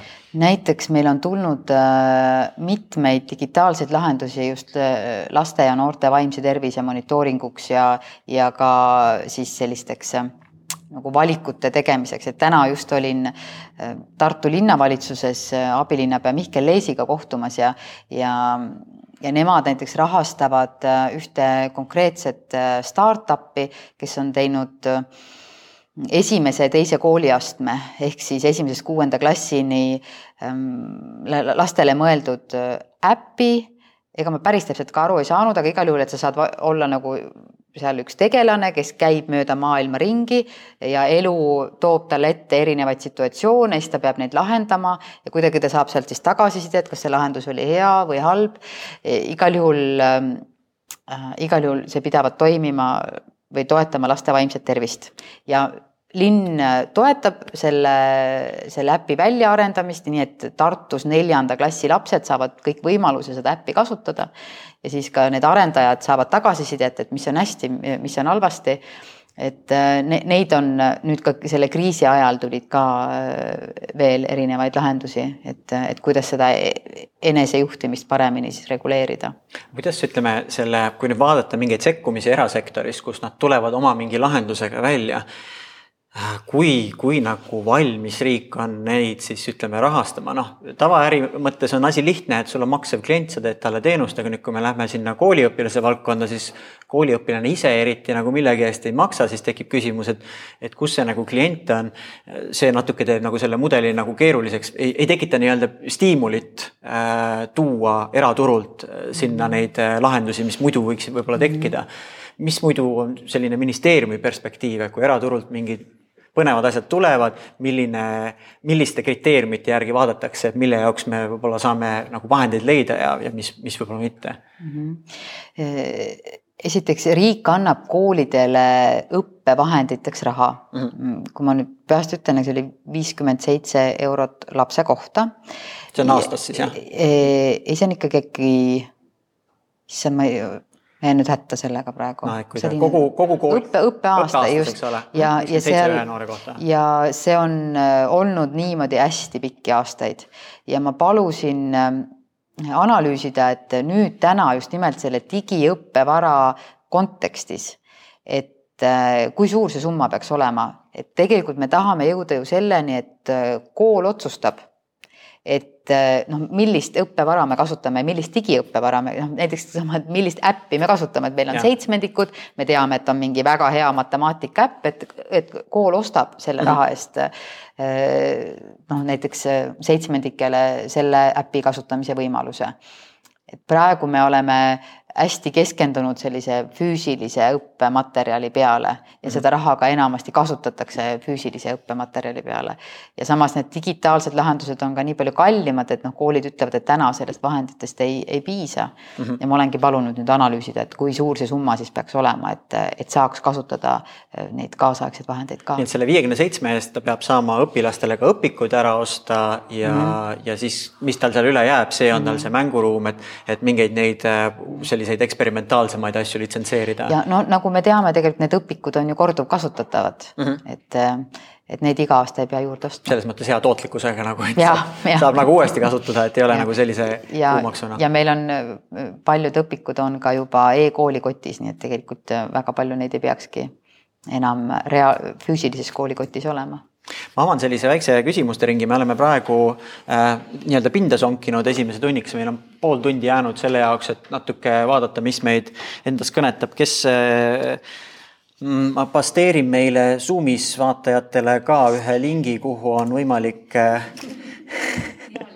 noored inimesed kuhu on võimalik äh, vajadusel küsimusi esitada. kui mina noor inimene olin, siis pasteerimine tähendas seda, et kui öösel lastelaagris äh, joonistasid kellegi näo täis. mis see, mis see tänapäeval tähendab? ma arvan, et see on see, kuidas Microsoft ise neid tõlgib, seda tarkvara ka vist. jah, vist on eestikeelses Windowsil. lõika ja kleebi Aa. ma kleebin siia vestlusaknasse vanakooli inimene, no kleebime siis siia, paneme siia, nägid, jäi kinni sinna, eks ole. kleepisin, aga eh, paar sellist eh, küsimust tuli veel, eh, mis, mis varem mulle tuli. Siim kirjutab, et milline on nägemus hariduse digitaliseerumise kohta, temal oli küsimus, et kas õpikute, töövihikute müügiärist saab esmalt iTunes Store, millest saavad sobivaid materjale peatüki kaupa osta või liigub see kohe nii-öelda Spotify mudelile, kus ühel õpilasel on kuutasuga kõik olemas ja siis ta võtab, mida tahab. las ma nüüd täpsustan, et äh, ma, ma sain aru, aru küll sellest isegi. iTunesis ma..., ühesõnaga sa ostad neid, mis sa tahad, on nagu see vanakooli mudel. Et... ma sain aru ja. küll, mul ei pea ikka, ma ikka nii vana ei ole ka. aga tegelikult meil praegu äh, see e-koolikott ongi äh, midagi sarnast, et ma ostan endale pileti ja ma saan äh, materjali, mida ma vajan. meil küsimus on selles, et see e-koolikott on äh, selles mõttes paindumatu, et ma ostan pileti ja ma saan kõike mm. -hmm. Nad noh, nende argument on see, et just nimelt, et kui sa tahad kiiremini edasi jõuda, siis sul on see võimalus, et sa, sa saadki neid töövihikuid täita, no võin täita kaheksa, seitsmenda, kaheksanda, üheksanda klassi töövihikut kõik ära põhimõtteliselt, kui tahan, aga ja õpikuid ka, no ütleme, seal on seal, sealjuures on kohe, et sa saad äh, opikukeskkond jah. see on siis Spotify mudel. jah, et äh, ja, ja, ja kriitika ongi see, et aga kui ma tahaks ainult näiteks seitsmenda ja kaheksanda klassi omi, siis ma seda ei saa, ma pean võtma kõik teised ka ja ma pean võtma näiteks venekeelsed materjalid ka. et, et see nende pakettide paindlikkus vajaks kõvasti arendamist. aga ma arvan, et just nimelt, et me liigume sinna suunas mm. -hmm. me, täna on võimalus, et ma lapsevanemana ostan oma lapsele selle juurdepääsu. Ehm, ja siis on võimalus, et kool ostab selle paketi, nii et kooli lapsed saavad selle juurdepääsu, et see oli siin suur skandaal ka, et, et, ehm, et see Covid kriisi ajal loodud leping andis koolidele tasuta selle võimaluse, nüüd see leping saab läbi ja, ja nüüd need paketid ongi kuidagi väga nagu jäigad, et aga ma loodan, et see läheb paindlikumaks, aga põhimõtteliselt küll jah. Spotify mudel oleks selles mõttes huvitav, oletame, kui on nagu riiklikult algatatud platvorm, mille peale on võimalik kõigil sisu luua ja siis jaot-, tulujaotus toimub vastavalt sisu noh, kas siis tarbimise ajamahu järgi või nii, noh, nii nagu ta Spotify's peaks olema mm. -hmm. et eh, see tekitaks sellise, sest muidu, kui ta on nagu üks koht ja tal on ainult enda asjad, siis sinna ei ole võimalik teisi asju integreerida ja kooli jaoks ilmselt igasugu uue süsteemi integreerimine ah, et, et las ta nagu olla, aga kui ta on nagu ühtne mhm. turupaik, noh. turuplats ja, ja see äh, e-tekkide selline turuplatsi ideoloogia, äh, jah, selle üle käivad praegu arutelud, et kuidas seda luua, et see plaan on küll mm. -hmm. et, et nad ikkagi oleksid omavahel äh, seotud ja noh, seesamane eesmärk on meil ka ikkagi, et ikkagi lõpuks sellele inimese sinna digilukku jõuaks ka märge mm, -hmm. et ta on kusagil mingisuguse asja lõpetanud või omandanud või mm. -hmm, et on selle kasutajaga sees, läbib selle mooduli, täidab selle testi ära ja noh. ja, ja siis ta läheb automaatselt kirja, et mul on see läbitud mm. -hmm. ja mu matemaatikaõpetajale läheb ka võib-olla kuskile mingisugune tulukene, et tal on see omandatud. kui kaugel tulevikus see võiks olla?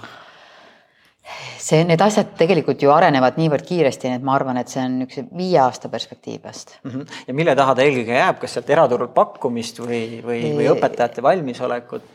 Mis seda on, aeglustab? ma arvan, et see on, ongi hästi mitme osapoolega asi, et minu meelest praegu meil need ähm, e-tekid on, äh, kes, kes tegelevad äh, haridusvaldkonna äh, innovatsiooniga ja tehnoloogiliste lahendustega, nende valmisolek on minu meelest hästi kõrge praegu, et nad -hmm. tahaksid panustada ja neil on ka oma selline võrgustik loodud, nad teevad koostööd Harnoga, ministeeriumiga, et Märt Aro on näiteks hästi aktiivne selle valdkonna eestkõneleja, et ähm,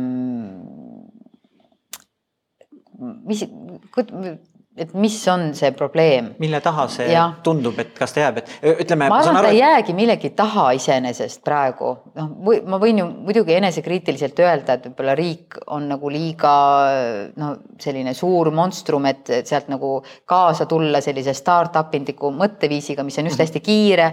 Ehm, seal võib olla selline mingi väärtuskonflikt ka, et me, võib-olla riik ei julge tulla nii kiiresti kaasa. Ehm, samas no mina olen küll julgustanud ja öelnud, et, et kui on ebaõnnestumine, siis see on väga okei okay.. noh, me ei, et ebaõnnestumine on väga okei okay,, peaasi, et me proovime mm. -hmm. et ma ei, ma ei teagi. Ma arvan, et lõppkokkuvõttes kasutamise mõttes on kindlasti see suur väljakutse, et seda päriselt hakataks ka kasutama mm. -hmm. ta, ta aitaks kaasa sellele ilmselt sellele individuaalõppele, et sul on võimalik ka päriselt nii-öelda õiges keskkonnas märk maha saada, mitte nii-öelda Youtube'i ajalugu näidata mm, -hmm. vaid, vaid et sa Just. oled selle protsessina läbinud. aga samas ikkagi, kui ma neid asju räägin, ma olen ise tegelikult väga nagu selle personaalsete õpiradade fänn ja ja olnud ka eestkõneleja, aga samas ma ikkagi arvan, et see ei tähenda ainult digitaalset õpet, see personaalne õpirada.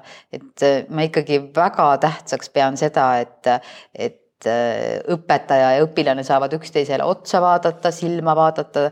tänaseks on ka ilmunud juba teadusartikleid, kui oluline on see jagatud tähelepanu, äh, silmside ka õppimise juures, et, et see peab kindlasti jääma, nagu me alustasime, et mis on hariduse eesmärk, on kasvatada inimest, inimeseks olemist, siis äh, noh, seda need digitaalsed lahendused ei tee, seda teeb inimene oma eeskujuga teisele inimesele, et et see on ikkagi hästi oluline ka nii et sellist inimeseõpet sinna kõrvale. meil on äh, äh Tartu noortekoja, JCI Tartu äh, kirjutanud, et nemad teevad haridusprojekti Eluks valmis ja selle eesmärk on luua selline kompaktne eluks vajalikke praktilisi teemasid käsitlev veebiõpik, mida õpetajad saavad koolitundides kasutada ja noored infot otsida. ja seal siis käsitletakse küsit-, saadud küsitluse tulemuste põhjal nad on valinud teemad, et mida liiga vähe on, on siis aja planeerimine, enesejuhtimine, keskkonnasäästlikkus, rahatarkus, üksinda elama kolimine, see vanematele kindlasti meeldib, ja kodused toimetused, tasakaalustatud eluviis ja nii edasi. ja neil on äh, nagu selliseks suuremaks küsimuseks on, et kuhu suunas see haridussüsteem praegu liigub, et me natuke rääkisime, et võib-olla selline nagu valmidus on olemas, et mis on põhifookused õppekoormuse ja sisu ehk riikliku õppekava reformimise osas. on nende küsimus, et kas plaanis on seda õppekava ennast kuidagi nagu äh, kallutada selliselt äh, nii-öelda vanakooli õppeainelt äh, uutele oskustele ja vajadustele või pigem nagu tuua ta kuskile mingi asjana juurde, mis, mis see, mis see nii-öelda strateegia on? ja vot meie haridusstrateegia räägibki nendest personaalsetest õpiradadest, kogu sellest teemast, mida me oleme siin enne rääkinud, et formaal- ja mitteformaalse hariduse suuremast lõimimisest, üldse ainete omavahelisest suuremast lõimimisest ja see kindlasti eeldab õppekavade arendust. ja, ja meil tegelikult see hariduse arengukava ei ole veel vastu võetud, see on küll valmis, aga, ja meil oli, või me tahtsime ta enne Riigikogu puhkusele minekut ka vastu võtta või tähendab Riigikogus saada nagu ähm, või Riigikogus lõpetada lugemine, aga seal läks juntimiseks ja ma olin küll mitu ööd üleval ja ootasin äh, kutset, aga ei saanud kutset Riigikokku minna, nii et see jäi äh, seal ette kandmata. ma arvan, et sügisel on just see üks esimesi asju, mis Riigikogus saab tehtud, et tähendab, kui arengukava saab vastu võetud, siis, äh, siis sellele peab järgnema õppekavade arendus ja õppekavade arendus ei ole midagi sellist, mida minister nipsust saab teha ja ei tohigi teha, ei tohigi saada teha.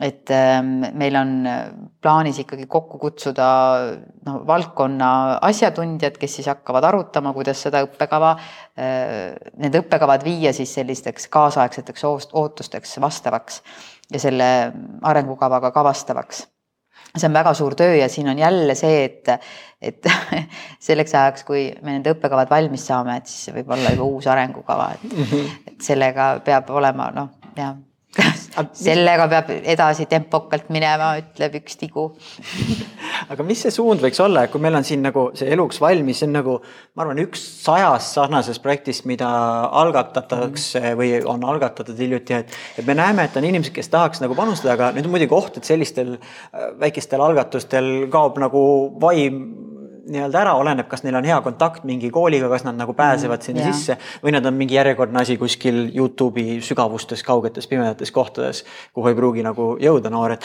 et äh, kui meil on mingi, mingid pundid sellised hakkajad inimesed, et mis võiks nende jaoks olla paar sellist soovitust, mida nad võiksid järgida või teha, et nende asi võiks jõuda võimalikult äh, nõnda nende noorteni. ja see on äh elus, ma arvan, selline üldine soovitus, et kui sa tahad äh, midagi saavutada, siis äh, otsi liitlasi mm. -hmm. ja, ja samamoodi, et kui sa oled teinud mingisuguse noh, mingisuguse arenduse, millel sa näed tulevikku, siis otsi liitlasi, et, et nagu konkreetsel puhul siis neid koole, kes seda saaksid kasutada, praktiseerida, kes saavad anda tagasisidet, öelda, kas see toimib või ei toimi.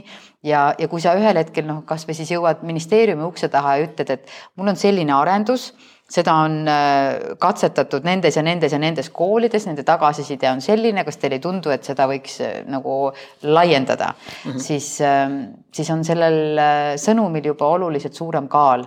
nii et minu soovitus on, minge koolide uste taha, kui ukse tagant tahetakse ära, minge järgmise kooli ukse taha või akna taha. no igal juhul peab saama selle praktilise kogemuse, et, ähm, et kuidas see asi toimib aga kuidas sellest jagu saada, kui, kui ütleme, see vastus või tunne on seal, et meil on juba nii palju asju, et meil nagu ei ole aega midagi sinna juurde liita. siis minnakse järgmise kooli juurde, meil on viissada kuuskümmend üldhariduskooli suurusjärgus, et küll leiab kellegi, kes äh, on valmis. kas nad tulevad Google Maps'ist ka välja, vaatad lähipiirkonna koolid? ja no meil on Haridussilm selline väga. haridussild. haridussild ja selline keskkond, kus saab väga operatiivselt äh, ülevaate koolidest, palju seal õpilasi on, õpetajaid, no kuni selleni välja, et mis on nende õpetajate kvalifikatsioon. et äh, meil on tegelikult haridusandmed on äh, väga avalikud mm. -hmm et seal niimoodi sobrada, kas seal on muidu ka sellist laadi andmeid, mida on tehtud õpilaste enda küsitlemises, nende vajaduste või kooli enda vajaduste küsitlemises? kooli rahulolu küsitlused on küll nüüd mitte seal haridussilmas, aga need äh, peaksid ka olema avalikud, et, et neid äh, rahulolu küsitlusi ju teevad koolid ise, aga teeb ka riik mm. -hmm. et ähm, need, need, need andmed on Harno koduleheküljel kindlasti olemas aga, aga sellist laadi andmeid, kui, kui ütleme, sa oled nagu kas siis mingi iduettevõte või selline vabaühendus, mõtled, me tahaks nagu võimalikult aidata, et kus ma lähen ja ma saan nagu kas kuskil on kaardistatud need kõige suuremad valukohad, mida õpilased ja koolijuhid ise on nagu eelkõige välja toonud, meil on nagu hädasti midagi sellist vaja, mis aitaks seda ja teist-kolmandat teha kas sellist äh, andmekohta on ka või on mõni nii-öelda bioloogiline andmekandja ehk siis mõni inimene, kellel on mm. väga hea. ma arvan, et kes, kes otsivad selliseid kohti, kuhu panustada, olekski tark lugeda seda kõige värskemat hariduse arengukava sest eh, no seal on ka kaardistatud see hetkeolukord, need probleemid, mille ees meie haridusvaldkond seisab ja, ja et noh, milliseid lahendusi siis, ehm, siis ka oodatakse, et kindlasti soovitan tutvuda sellega. selle haridusvaldkonna arengukava on koostanud noh, tänase Eesti haridusvaldkonna helgemad pead, et mm -hmm. see on väga suur, suure seltskonna selline ühine looming ja, ja ma arvan, et sealt saab inspiratsiooni küll. ta on muidu äh, Täitsa, HTM-i lehel? jah, on kindlasti HTM-i lehel ka leitav arengu, et seal on siis nagu seda sisendit nagu arvestatud. meil on, äh, Hannes kirjutab äh, chatis kommentaarina, et vestlusaknas, et et kui igas koolis on erinevad õppevahendid, siis kuidas laps või lapsevanem saab teha teadlikke valikuid või kas üldse saab või kas saame üldse kooli valida, et kui laps peab näiteks elukohta vahetama, siis uute õppevahendite ja metoodikate sisseminek ei pruugi kerge olla. ahah, ma saan aru, et mure on jah, et kuidas ma üldse tean, et kas need on head asjad ja kas mulle tundub, et Hannesel äkki siis küsimus on, et kas võiks olla mingid üldiselt aktsepteeritud asjad ja mingid nagu universaalsemad asjad, aga mulle tundub selle mhm. küsimuse vaat kindlasti ja see on väga õigustatud küsimus ja me oleme ka äh, ministeeriumis selle üle arutanud, et, et kui need digitaalsed õppevahendid äh, tulevad, siis nad äh, peavad läbima sarnase sellise kontrolli nagu õpikudki mm, -hmm. et, et see, et see, et see seltskond peab olema ikkagi selline, et ähm, et noh, et, et seal oleks ikkagi see teaduspõhisus ja, ja kontrollitavus ja kõik sellised asjad olemas.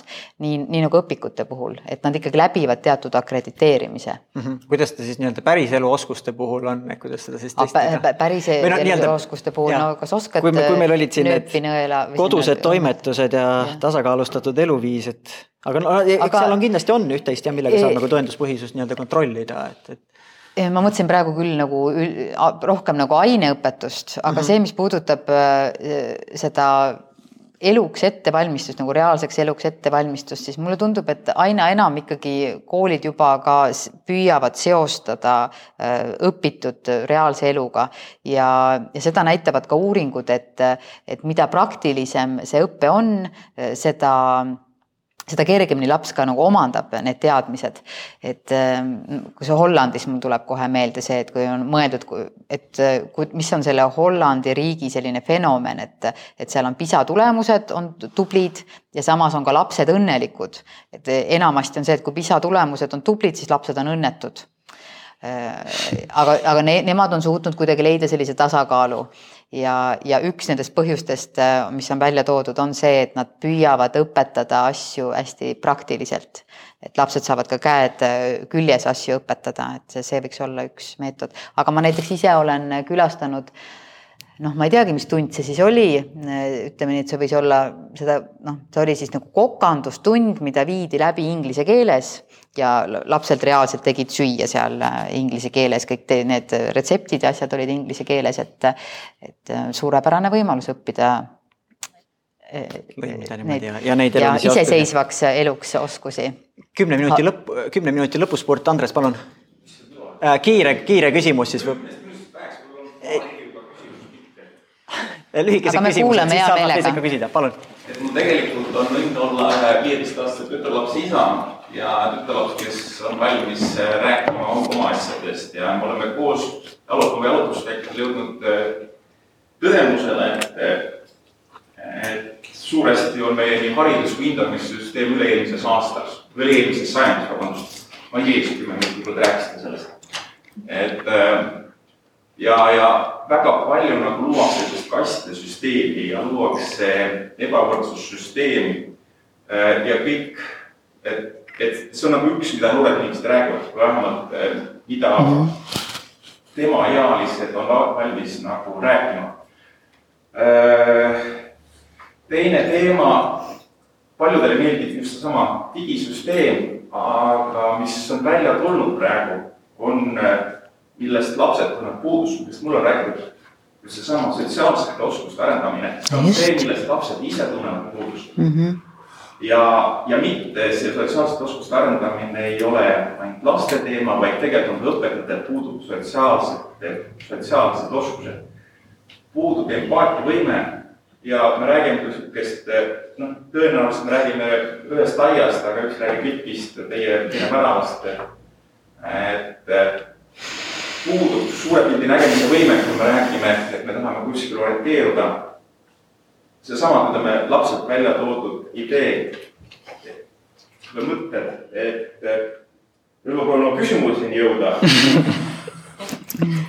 Et, et üks küsimus oli see, et, et, et kas me oma õpetajaid, kõigepealt, et kas me oma õpetajatele võiksime luua üks hoopis teise põhimõtte nende valimiseks, et praegu võtame kõik, kes tulevad, aga isikus, isikuomadused ei pruugi olla, kes suudavad edasi anda, nii nagu tütar ütles mul, õpetaja on tegelikult väga tark, aga ta ei suuda meile seda infot anda, me ei kuula teda sellepärast, et ta ei oska seda anda, tal puudub, tal puudub võime olla inimene, puudub see, ehk et tegelikult võib-olla tuleks üks valik teha, et õpe, õpetajate valikut muuta, on üks küsimus. ja teine teema, et küsimus, et kas me näiteks see, küsime nendelt, keda me õpetame kas nad ise saavad aru, miks nad õpivad mm. -hmm.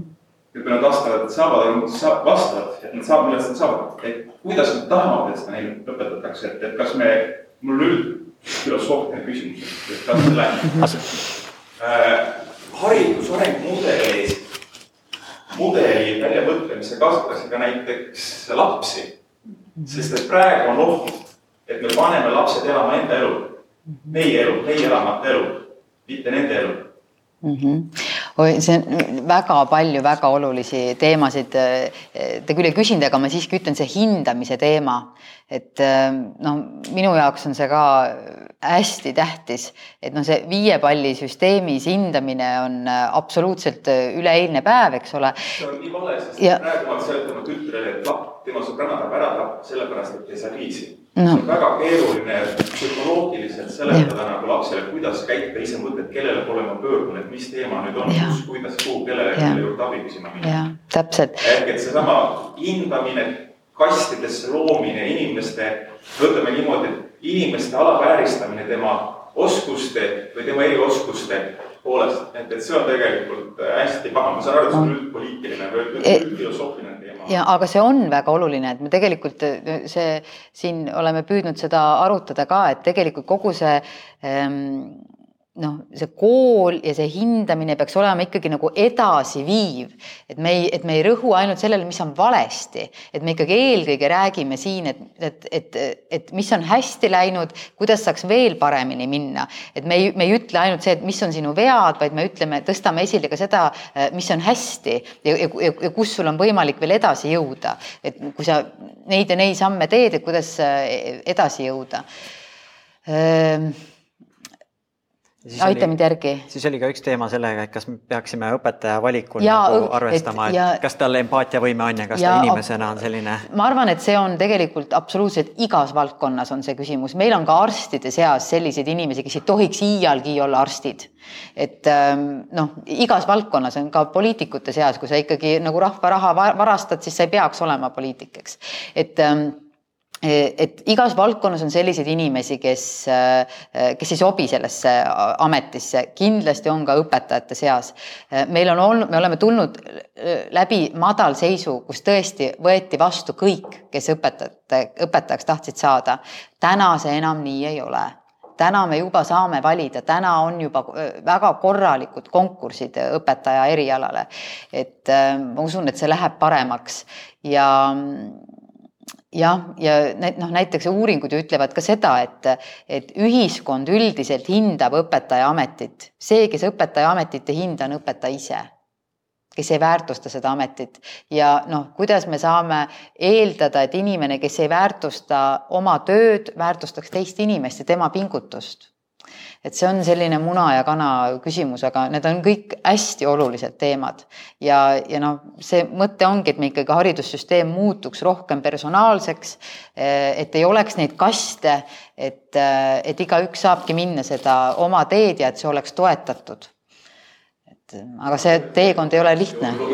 loodi see idee, öeldi välja idee, et on meie klassid on niivõrd väikesed, et üks klass peaks olema tuhat inimest, aga õpetajaid peaks olema umbes nelisada seal et e, et, et siis leida iga inimese need tugevad küljed ja hakata just suunama õigetesse kohtadesse, aga samal ajal ei kaota ära inimeste sotsiaalseid oskusi, näha meeskonnatööd, sest praegu on see, et kui me suuname ühe inim-, ühe inimese õpetame hästi targaks ära mm, -hmm. tal puudub koostöövõime mm. -hmm. ma istun väga tarkade inimestega, kelle ma olen sunnitud ettevõttes lahti laskma, sest nad ei suuda koostööd teha me just rääkisime, me tõesti rääkisime sellest, et see koostööoskus ongi hästi oluline. et ähm, just täpselt sedasama mõtet, et üksinda ei tee, sa võid olla väga tark, aga üksinda tänapäeval teed, asjad teeb ära robot, aga inimene peab tegema koostööd, see on nagu see tuleviku noh, ka täna, aga, aga ka tulevikus kindlasti see oluline oskus, mida on vaja. jah, see on paradoks iseenesest, et natuke individuaalselt, aga samal mm. -hmm, mm -hmm. et, et ja et me ei tohi minna sellesse, et me ei tohi uputada oma lapsi ära sinna digitaalsesse personaalsesse raja, rajasse, vaid see personaalne õpirada saab olla ka teiste inimestega koos klassiruumis õpetajale silmast silma vaadates. küsimus, kommentaar, Tiit, palun.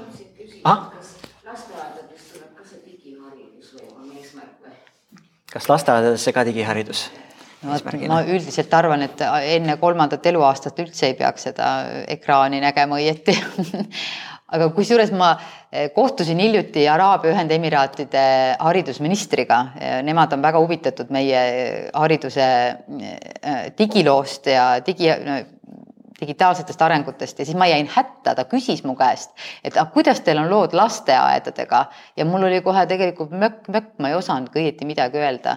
et ma tean, et seal tõenäoliselt on mingisuguse, et on programmid, noh näiteks robootikat õpetatakse ka juba lasteaedades, aga see on rohkem äh, lasteaedade nagu enda initsiatiivil äh, tehtud, et et ma ikkagi pigem arvan, et äh, jah, kui minu isiklik arvamus on see, et ma pigem hoiaks eemale vähemalt alguses kindlasti. jutud käivad, et üldse see vähk levib, kirgus on see mobiilikirg. väga palju on haiglates lapsi, kes on vähihaiged, võib-olla see mobiil on süüdi või? ei tea. lasteaias koduõpe väga ei lendaks, sellepärast et üks eesmärk on, et emal-isal on võimalus ennast teostada samal ajal, nii et seepärast noh, ei saaks nagu seda. aga vanavanemad, näiteks Ülo Vooglaid kirjutab praegu raamatut vanavanematele, et kuidas nemad saaksid oma lapselapsi paremini ja teadlikumalt toetada. Tiit Palan. mina tahaks ka küsida natukene, et et lapsed noorusest tuleb meie elu alus alates lasteaiast ja, ja, ja siis esimesed kolm klassi. ja õpetaja on minu arvates kõige tähtsam amet üleüldse. sealt hakkab kõik pihta, et mul on, on oma kogemusi palju ja on, on lapse kogemused positiivsed ja negatiivsed. kas me ei peaks väärtustama õpetajat nagu kordades rohkem, kas ei peaks sellele tiigrile andma laksaka vastu tagumikku, et ta ei magaks ja tõstma nende palgad kahekordseks, sinna satuksid kõige paremad muidu see motivatsioon lasteaedades, kõik lapsed on hurraa, hurraa, hurraa ja siis kolmandas, neljandas klassis kott nagu maha õppimine kaob. sama Aarendi juurde ka, et on meil üks osa, kes nagu tahavad ja siis on üks osa suurem, viis, kuuskümmend protsenti, kes ei tea veel, nendel võetakse motivatsioon ära, et kas riik ei arvaks, et võiks sinna nagu panustada kordades rohkem. siis ei peaks ülikoolid väga muretsema, et tegelikult peale pärast siis tuleb ikka kordades rohkem paremaid arste ja kõiki paremaid palgasid ma kirjutan sellele rasvaselt alla, aga olles nüüd läbinud oma elu esimese riigieelarve arutelu, see on, kuidas ma ütlen, et, et ütleme nii, et ja peaks võtma kuskilt mujalt ära või? tead, see on, see on huvitav selline arutelu, et kuidas demokraatlikus protsessis, kus mm, valitsus on selline kollegiaalne organ, kus otsuseid äh, ei hääletata, vaid otsustatakse konsensuse põhimõttel ja on äh, erinevate valdkondade ministrid, kes kõik seisavad ainult oma valdkonna eest eelkõige. ja, ja siis on seda, seda on täiesti võimatu teha. no see on, see oli absoluutselt ebainimlik pingutus, et saada kolme protsenti äh, õpetajate kes-, selle miinimumpalga tõusu, mis on kaksteist miljonit. see on, noh, see on, see ongi, see, see ongi masendav, ma olin ka, ma ei hakka kirjeldama, mis seal kõik toimus, aga, aga see ongi masendav, tegelikult see ongi äh, nagu hirmus. Õpetajad vananevad äh,, peale tuleb noh, nii palju kui tuleb, noh, ma ei tea, kui pops veel ära, eriala on, aga, aga ma näen kahe lapse puhul, et tüdrukul oli, ülikoolist õpetaja, noh, ma olin väga kahtlev, ülimalt hea oli. ja siis äh, poja puhul oli üks vanem daam oli, kes suutis esimese kolme klassiga nagu pooltel klassidel, kui poole klassi võtta motivatsiooni ära ja taheti kooli vahetada. see on nii masendav. Aga kas see, vaata mõlemad said ühepalju palka et palk ei oleks seda lahendanud jah, et ei oleks. oleks lahendanud, aga noh, eks juba ülikoolis, kui see on äh, prestiižne ja hästi tasustatud äh, keskmisest ikkagi kõvasti parem, siis tulevad kaasa kutsutud kõik üks tark meeskond. see on, see on see, mille teed on läinud Soome. et, äh, et kus õpetaja noh, saab korralikku palka, et see amet on ka materiaalselt väärtustatud et ähm, noh, meil äh, Haridustöötajate Liit ütleb, et õpetaja palk peaks olema vähemalt ähm, magistrikraadiga töötaja keskmine palk ja see on äh, tuhat kaheksasada. Ähm, noh, näiteks Tööandjate Keskliit ütleb, et, äh, et see peaks olema veel palju suurem nemad saavad täpselt samamoodi nagu, nagu teie, et, et noh, need on, see on nii oluline ja suure mõjuga ametikoht Ehm, mis me vaatasime, et see oli kakssada eh, selleks, et jõuda saja kahekümne protsendini Eesti keskmisest palgast, see vajaks kakssada üheksakümmend miljonit eurot äh, lisaraha. aastas? ja juurde. see lisaks sellele, mis juba praegu panna äh, õpetajate palka panna, see on siis, et ta oleks sada kakskümmend protsenti Eesti keskmisest.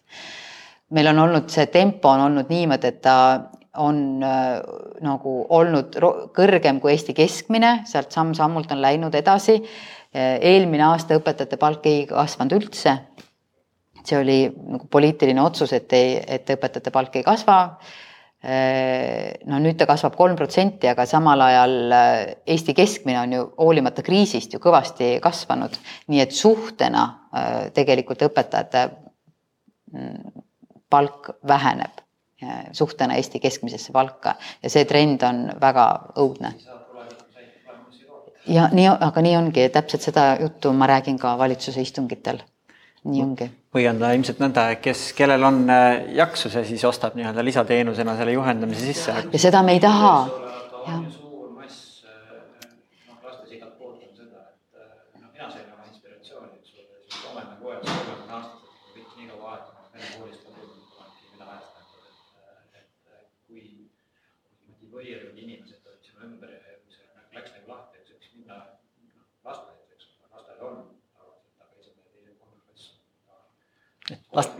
lasteaiast tulevad nii ja siis hakkab niimoodi iga aastaga. see, see, kui motiveeritud on üks õpilane neljanda klassi või viienda klassi alguseks, ei sõltu ka ainult äh, õpetajast, et äh, võtke siin arvesse ka lapse arengu eripärad. et kolmanda klassi lõpuks jõuab lapsele kohale, kurat see jama ei lõppe siin, see käib veel aastaid. ja ma pean pingutama. iga päev ja peab pingutama ja pingutus on raske. ja see raskus juba iseenesest on demotiveeriv. ja nagu siin enne jutuks oli, inimesi huvitavad igasugused erinevad asjad ja tihti see ei ole matemaatika või loodusõpetus, vaid see on hoopis midagi muud. seal on rohkem tegureid kui see, et õpetaja palk on napp sada kakskümmend protsenti Eesti keskmisest. et sõltub ka sellest õppijast endast muidugi sõltub jah, seda pingutust tehakse, saab teha huvitavaks ja põnevaks. ja sellega ma, selle osaga ma olen nõus, aga motivatsioon tuleb siiski inimese sees. erinevaid koolikordusi näinud siin, lugupeetud minister rääkis ka, et kuidas inglise keeles kogemust õpetati ja, ja rahvusvahelises koolis, kuidas õpetatakse tervet geograafiat, bioloogiat kuni kogemuseni, nad teevad šokolaadi lõpuks, aga mis on perioos kasvanud. Nad on nii sillased, kui ta tuli Eesti kooli õppima, tal läks ikka poolteist aastat PISA tulemused on väga head, aga algus oli väga, väga keeruline. et äh, see oli juba siis, kui oli seitsmes, kaheksas klass. Äh, praegu on ta harjunud ja, aga see on ilmselt nii erinev ja see motivatsioon oli täiesti laest kukkus põranda alla mm. -hmm. kurb. nüüd äh, jah, kiire küsimus, kommentaar, palun. minu arust see kogu selle teema hästi juhtus see mentorluse osa, et äh, kui meil nüüd mõne, mõnes koolis on mentorid klassijuhatajate tasemel. et ja, ja oleks hea, kui neid oleks veel klassijuhatajatele veel toeks, siis kas, kas praegu on juba siukseid äh, programme, kus saaks minna noor näiteks abistama kooli just mitte õppejõud või, või õpilase nagu rollis või mentorluse rollis. et äh, kas selliseid võimalusi on hetkel ja kuidas neid saaks juurde luua? Et näitena, et kui keegi on valmis olema mentor, kas ta saab praegu kuskile minna? Äh, meil on äh, Tartu Ülikoolis on äh, mentorite selline koolitusprogramm, eks ole, Liina. et ähm, see on huvitav küsimus, et kas nagu väljaspool, et, et, et, et nagu noor inimene tahaks teist noort inimest toetada. tundub, et see on niisugune või noh, tundub hästi vajalik või noh, et see mm -hmm. aitaks ka mm -hmm. olla nagu äh, võib-olla lapsevanemale toeks mm, -hmm. et, et ta saab, saab nagu näha. võtaks noort parema peale kui ütleks vana käsina. siis parem, noh, õppejõud saaks anda need teadmised ja mentor võib-olla neid suhtlusõppe, neid mm -hmm. oskusi ja, ja kõiki teisi. keegi, kellega sul on kontakt ja kelle, keda sa usaldad ja kellega sa saad nagu suhestuda ja ta ei saa õpetaja rollis võib-olla sellepärast olla, et õpetajal on mingi jõud panna sulle hindeid ja muid asju, et sa ei saa nagu nii avatult mm -hmm. rääkida.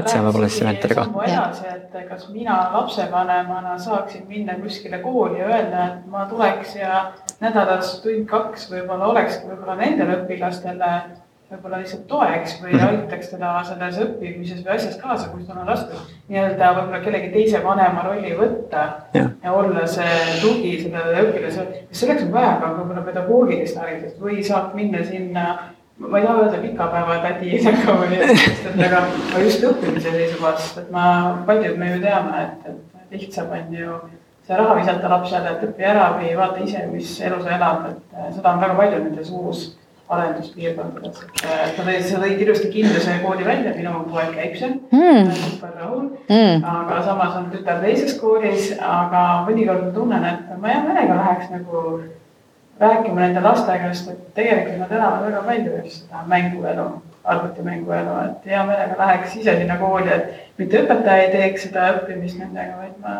lapsevanem aga sa vist ei saaks mentorina olla seal klassi noortele, kus su enda laps käib, see peakski olema niisugune hästi neutraalne, eks ole, mingi hoopis teine. Need peaks ikka vahetuskaup nagu olema ja kuidagi. no ühtepidi me kindlasti ju tahame, et koolikeskkonda jõuaksid inimesed, äh, kes oleksid teadlikud, sest et noh, noor inimene on just nagu see käsn, see noor käsn, kes tõmbab väga enda sisse, me ei taha, et sinna jõuaksid inimesed, kes äh, kuidagi nagu tahtmatult kuidagi kahju võivad teha aga see on väga huvitav mõte, et tegelikult see, eks see oleneb ka, ka kooli kultuurist, et kui avatud ta sellele kogukonnale on.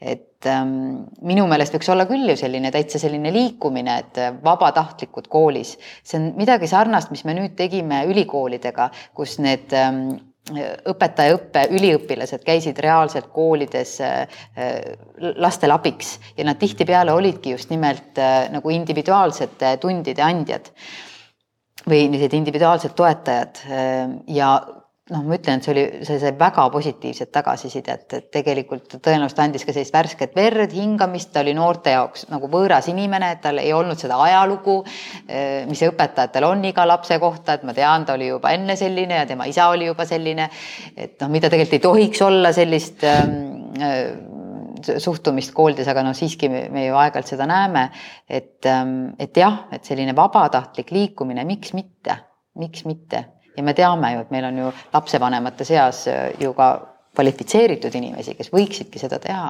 väga paljud inimesed ju õpivad äh, mentoriks või, või coach'iks. no minul on ka coach olen olemas, aga mis noh, tore on täiskasvanuid coach ida, aga tegelikult äh, noh nende peal proovida on palju kihvtim palju põnevam minu arust kindlasti on sul mõttekaaslasi, kes on seda sarnase väljaõppe tegelikult saanud ja oleksid valmis pro bono näiteks tegema mingi, mingi aja sellist tööd. aga, aga kui te, see oleks väga huvitav, ma ootaks ka tagasisidet, et kui, kui te tõesti võtate kokku näiteks noh, ma ei tea, kaks-kolm-neli inimest, eh, kes oleksid valmis seda tegema ja pakute mõnele koolile et meil on siin seltskond, et vaat mis nad ütlevad teile selle peale, et ähm, proovige ja andke mulle ka teada, et kuidas teil läks. ma hea meelega jätkaks seda mõtet, et mina kui personaliinimene ja värbaja hea meelega liituks pundiga just selle karjääri mm -hmm. nõustamise või selle suunamisega mm -hmm. tuli ka välja, et on kohati mm -hmm. nagu nõrgem pool mm. -hmm. et ükskõik, mis vanusaste siis on, et sa saad seda Eh, lasteaias teha mänguliselt eh, põhikooli esimeses-teises astmes võib-olla ka veel mänguliselt ja sealt liikuda edasi, sest ma oma igapäevatöös näen ka seda, et käisin koolis, tahan seda ett.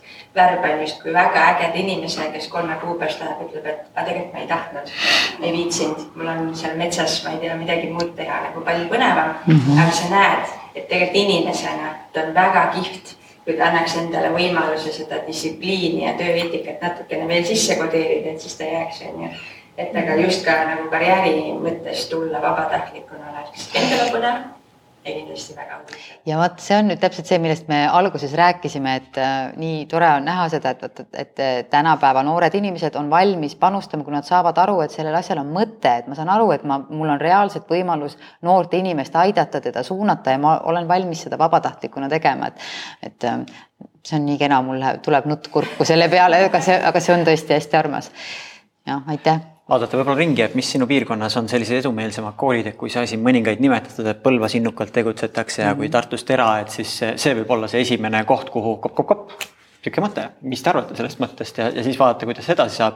väljakutse on kindlasti see, kuidas on see matchmaking nii-öelda käib, et äh, leitakse siis kellega, kellega nagu noorega suhestub nii, aga noh, see on siis juba tehniline pool. aga seda kool üldiselt tunneb oma lapsi ja, ja teab, et kes on valmis ja kes mitte. aga ma tahtsin öelda selle karjääri mõtte peale, et ähm, ma mäletan, mina ise ka ja see oli ikkagi jah, keskkoolis ka tehti mingid testid, et, äh, et millise ameti võiks valida ja mina mäletan, et minu testid näitasid, et ma võiksin olla sotsiaaltöötaja ma naersin selle välja, lõpetage ära sotsiaaltöötaja, kes see veel selline on.